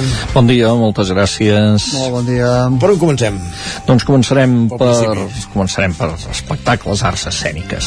Començarem pel principi. El principi és avui mateix. Va, uh, i avui mateix uh, destaquem entre les propostes del cap de setmana un concert que hi ha a Balanyà, que ja sabeu, doncs, uh, sabran els nostres oients que hi ha aquest col·lectiu, el COC, va organitzant concerts sempre uh, de figures que, a vegades internacionals, que aprofiten gires, que venen per aquí i que ara ens porten avui un personatge interessant. Eh, és un músic californià, l'Steve Wynn, eh, potser a la gent li sonarà un grup dels anys 80 que es va fer molt famós aquell moment que es deia The Dream Syndicate i un rock independent dels Estats Units va ser un, un grup de molt d'èxit eh, que, que després doncs, ell va reconstruir al cap d'uns anys perquè el grup en si va tenir una vida molt efímera. I avui arriba a Balanyà en solitari eh, amb una gira que fa per diferents llocs a Europa i que l'únic lloc a Catalunya és, que fa un concert és, és precisament a Balanyà i serà a l'Ateneu eh, doncs avui a dos quarts de deu del vespre en aquest únic concert de l'Steve Wynn eh, és interessant doncs per veure eh, com repassa temes de tota la seva trajectòria amb The Dream Syndicate, amb Solitari etc. i consell, doncs aneu a veure aquest gran clàssic Després tenim el, més música, eh, que cap de setmana, per exemple, demà dissabte hi ha la cantautora la Meritxell Gené que presenta al Casino de Vic un espectacle que va fer sobre Gabriel Ferreter, amb motiu dels 50 anys a la mort de, de Gabriel Ferreter, que va ser l'any passat va fer un disc, no diré res de mi. És, la poesia d'en Ferreter no és fàcil de musicar, ell ho va fer. Estarà acompanyada amb en Guillemino, en Pau Guillemet i en Santi Careta a les guitarres. I serà demà doncs, a les 7 de la tarda al Casino de Vic. Eh, més coses que hi ha al cap de setmana? Home, potser ens n'aniríem també al teatre perquè hi ha un parell d'obres d'èxit així, eh, una uh, l'incombustible Joan Pere dissabte a les 8 del vespre a l'Atlàntida amb una obra escrita per en Joel Joan i l'Hector Claramunt eh, i, i, i en Pere fent un paper com si fos un president de la Generalitat que, um, gran que, que, que eh, li diuen que s'ha de morir. Ell vol una pròrroga perquè pensa que encara té alguna cosa per aportar ell. I li concedeix la mort, que és molt cunyona, li concedeix una pròrroga en el cos del de, seu gendre, la parella de la seva filla, que és un pintor anarquista, tot el contrari del que és ell. Farà una mica de gràcia doncs veure en Joan Pere fent aquest paper així de jove. El comèdia també, comèdia dramàtica però comèdia cap i a la fi al Sirvianum al Teatre Sirvianum de Torelló amb Conspiranoia, que és un text fet per eh, en Jordi Casanova i en Marc Angelet. Hi ha un, un, un grup de gent entre els quals, un, un grup d'amics entre els quals hi ha una noia que se'n passa totes les teories conspiranoiques i els altres intenten, intenten com treure-li aquest vici. Eh, l'Eduard Farelo, Laura Márquez David Bert, Mia Esteve noms coneguts també de l'escena catalana, diumenge a les 6 de la tarda al Sirviano. I ens anem a Call d'Atenes per fer recollir un parell de propostes de Call d'Atenes. Una d'elles és musical, demà al vespre dissabte eh, la gira de mil i una nits i uns quants dies de Pep Sala i companyia que està tocant a la fi aquesta gira, sempre n'hi haurà una altra Pep Sala va creant gires i motius no és que la gira duri, duri mil i una nits, eh? Ah, exacte. I, I aquesta, doncs, eh, l'Auditori Teatre de Call Atenes. Però Call Atenes també comença un clàssic, entre els clàssics hi ha 31a edició diumenge d'aquest festival de titelles, el Call Titelles d'Atenes, que farà passar durant quatre caps de setmana companyies de teatre de teatre de titelles interessants eh, diferents formes de teatre de titelles. És un d'aquells dies el diumenge que s'omple l'Auditori Teatre de Call d'Atenes de gent eh, sempre. I aquest eh, està a punt de començar doncs ara amb el primer espectacle de Xo Titelles. I em sembla que eh, doncs eh, ja estem, eh, hi podria haver més coses però segur que hi ha altres qüestions doncs, que en Miquel R té per proposar-nos durant el cap de setmana. Mentre sona en Miquel R, en Pep Sala de fons. En Pep Sala. Gràcies, Jordi. Gràcies, Jordi. Eh, Miquel, per on continuem, doncs? Doncs mira, després de Pep Sala, tres clàssics més. Estem a plena tardor, ara fins i tot eh, meteorològicament parlant, que avui l'hem notat per primera vegada i per tant vindrà molt de gust recórrer les tres propostes de fires així ja pròpiament de tardor que us porto per aquest cap de setmana. Una, eh, la, la més històrica de les tres, de les tres eh, ens hem de situar a Can Toni Gros diumenge, en el marc també del cicle recordem-ho que portem cada cap de setmana del Coll Sacabra Viu doncs aquest cap de setmana el Coll Sacabra Viu fa parada a Can Toni i ho fa amb la 26a edició de la Fira del Bolet mm -hmm. Fira del Bolet sense bolets, o si més Oh, no, sense bolets plogut, poder no- de proximitat eh, aquelles ha ganes, temps? aquelles ganes li hem de donar una mica de temps al bosc eh? aquesta pluja ha anat molt bé ens, est, ens està humitejant la, el plouria de ploure una mica més perquè vagin baixant els bolets fins ara ja dic pocs i s'han trobat molt amunt ara tocaria ja, perquè si no ja haurem perdut la temporada, que comencin a baixar també més avall.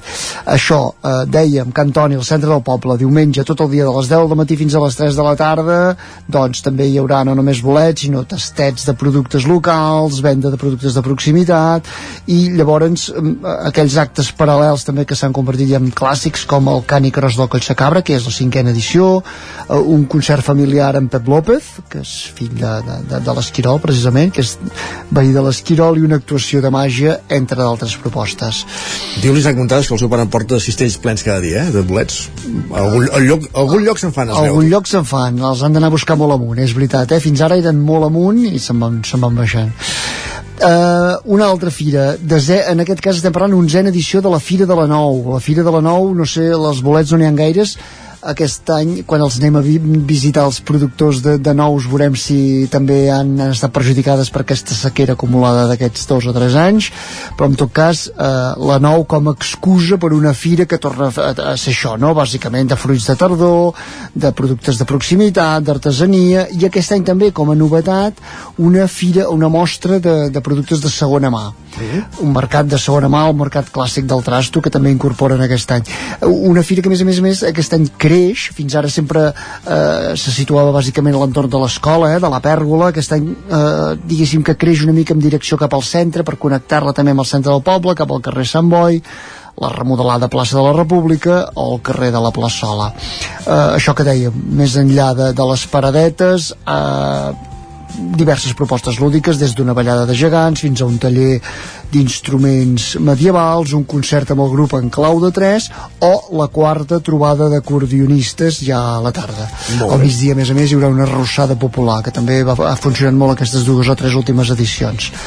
I eh, per acabar, la tercera proposta, i no per això menys important, la Festa Remensa, la Festa Remensa a Tavernos. Aquesta festa, que és la quarta edició amb aquest format, recordem que és hereva de l'anterior de, de la Fira de Sant Galdric també eh, una mica, eren fires d'aquestes una mica calcades que va agafant cada poble eh, productes de proximitat, productes d'artesania. En aquest cas però li van donar un afegit, un, un atractiu afegit que és aquesta representació eh, itinerant que fan a l'entorn del poble, que es diu La presa del castell de Sabassona, que rememora uns fets reals que van ocórrer precisament a Tavernoles a finals del segle XV, eh, entre repent, aquelles guerres aquestes eh, medievals entre remenses i senyors, i per tant és un bon moment per redescobrir raconets del poble amb, amb aquesta representació itinerant a la qual participen gairebé una cinquantena d'actors, la majoria del mateix poble, per tant també és un, un motiu més per, per, per anar-los a veure. Més enllà de la representació, que aquest any com a novetat es concentraran, se'n fan dues ja perquè els, el primer any se'n van fer una i van quedar desbordats, se n'estan fent dues i totes dues es faran el dissabte al matí a les 10 del matí i a dos quarts d'hora del migdia entremig, qui vulgui passejar per Tavernoles això estem parlant diumenge, doncs hi haurà doncs, per exemple, a nivell més esportiu la quinzena edició de la cursa de Sant Galdric eh, un concurs d'aquests de, de fotografia a Instagram hi haurà exhibicions de forjadors, tallers infantils una visita guiada a l'església, per tant un bon moment per redescobrir el poble. I com a preàmbul, ja el dissabte també hi ha el, el tradicional concurs d'anar a collir bolets a veure quin valent eh, eh, qui participi el pare de l'Isaac a veure si, si l'encerta però en tot cas eh, a veure quants bolets baixaran eh, els participants al concurs d'això, ja dic, com a preàmbul de la festa remensa de Tavernoles Doncs gràcies, Miquel. Queda tot recollidíssim.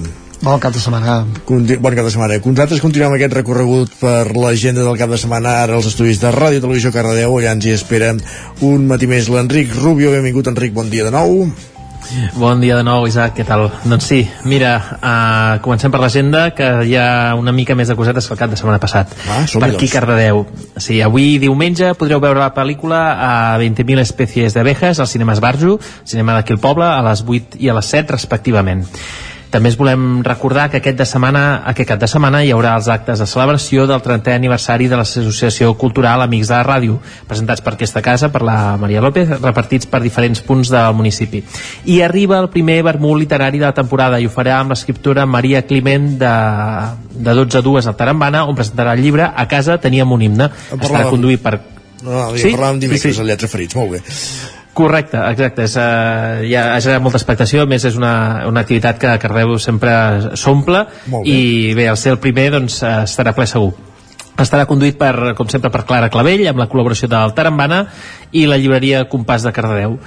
I ja per acabar, recordeu que com cada primer i tercer dissabte de mes, demà de 9 a 2, podreu trobar artesania, creació i moda sostenible al Mercadet, a la plaça Flors de Maig.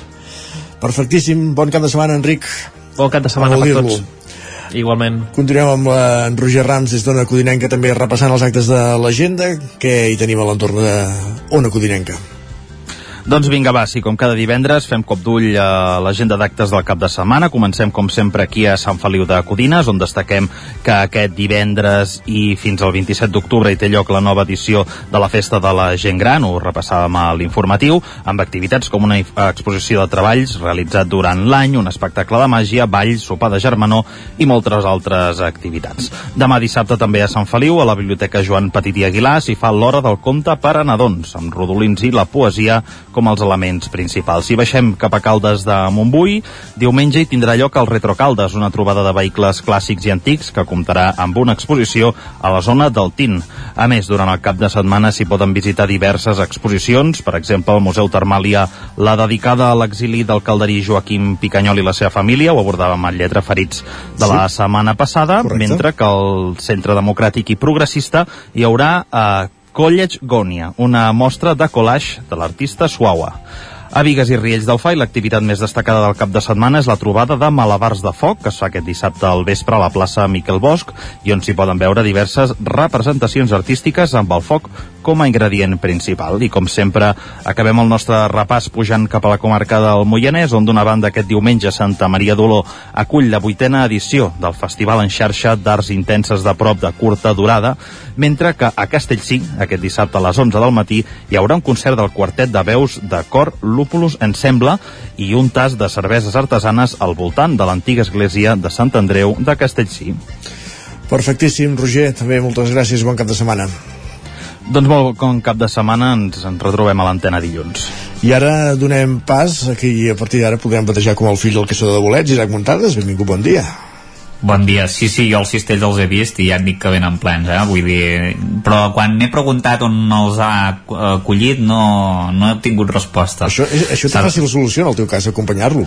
No, no té Sí, més. sí, però clar, ell està jubilat i jo he d'estar aquí explicant-vos l'agenda. Per tant, eh, en tot cas, eh, mira, Mira. bolets, bolets no, però... Un dia fem una connexió. alme- Un dia fem una Va, sí, fa, fa, farem una connexió. Mira, uh, carbasses, tindrem carbasses. Molt bé. Aquí, evidentment, ja us hem explicat, uh, molta activitat al Ripollès, a Sant Joan de les Abadeses, aquesta dotzena edició de la Fira de la Carbassa, a la plaça Anselm Clavé, a partir de les 11 del matí fins ben entrada a la tarda, amb carbasses gegants. Uh, ja s'ha revelat avui que les carbasses seran això de mitja tona, eh, màxim per al tema de, de la sequera. Mitja tona. Que no n'hi haurà de... Sí, no n'hi haurà de 800 no, quilos. No, no com- fico pas, jo, eh? Ja t'ho dic ara. No, no, ni jo tampoc, eh? és, molt, és molt gran i, i les petites, haurem d'agafar les petites. Mm, hi haurà premis, evidentment, però en metàl·lic, però per les carbasses més, més grosses, també n'hi ha una per la que tingui doncs, la més original, per la local i la, la comarcal, i a més a més hi haurà tallers pels nens, una demostració d'art per fer escultures i, i tot tipus de degustacions de productes de carbassa. Uh, de Sant Joan no ens movem perquè aquest dissabte hi haurà una sessió del cinema del Festival Transhumant al Palau de l'Abadia d'aquí, a partir de les 6 de la tarda, amb el retorn a Raga i més British Passport, són les dues pel·lícules que, que es projectaran, amb la participació en un videofòrum del periodista Marc Marginedes, que és protagonista del film i que explicarà el seu segrest per part de l'ISIS i que hi participarà doncs, a través d'una conferència des de Nova York. Uh, abans d'això, divendres, avui, hi haurà el Club de Lectura Infantil amb la bici de la Lola, amb les autores d'aquest àlbum il·lustrat sobre la prevenció de l'abús sexual infantil, l'Alba Barber i la Laia Pibernat, juntament amb la Judit Piella, que farà il·lustracions en directe, i tot seguit una xerrada pel món adult sobre aquesta obra.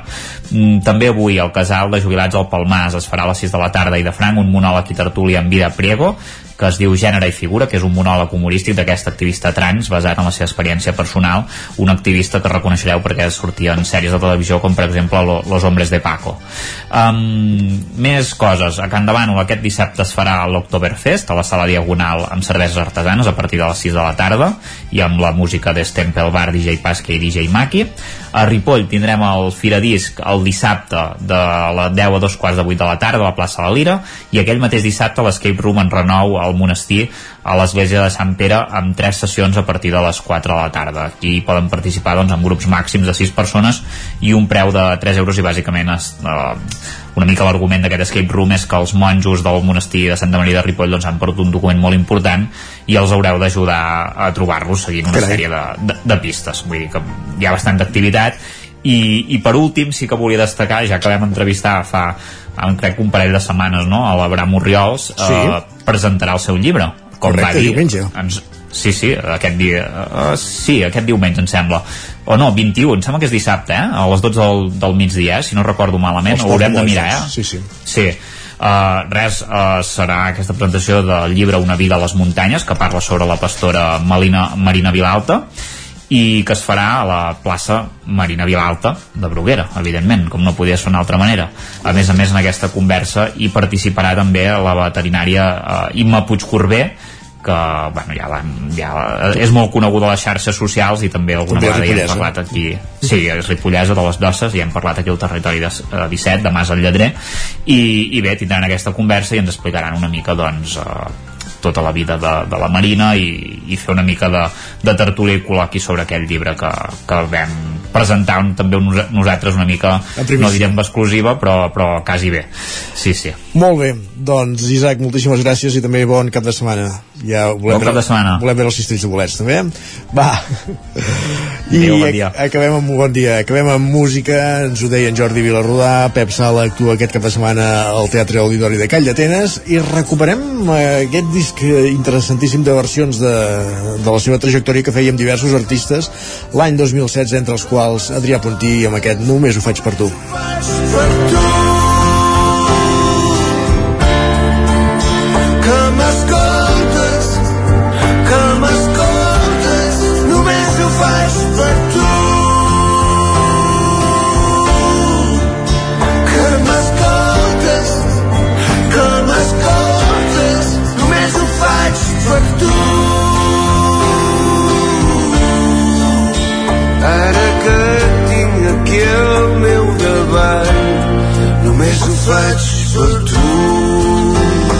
déu nhi la, la conjunció.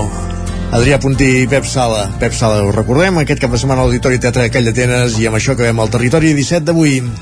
Us hem acompanyat des de les 9 del matí Gemma Permanyer, Carles Fiter, Jordi Vilarrodà Roger Rams, Enric Rubio, Isaac Muntades Pep Acosta, Guillem Sánchez Jaume Espull, Miquel R, Sergi Vives i Isaac Moreno. El territori 17 hi torna dilluns. Fins aleshores, que passeu molt bon cap de setmana i gràcies per ser-hi, adeu-siau, bon dia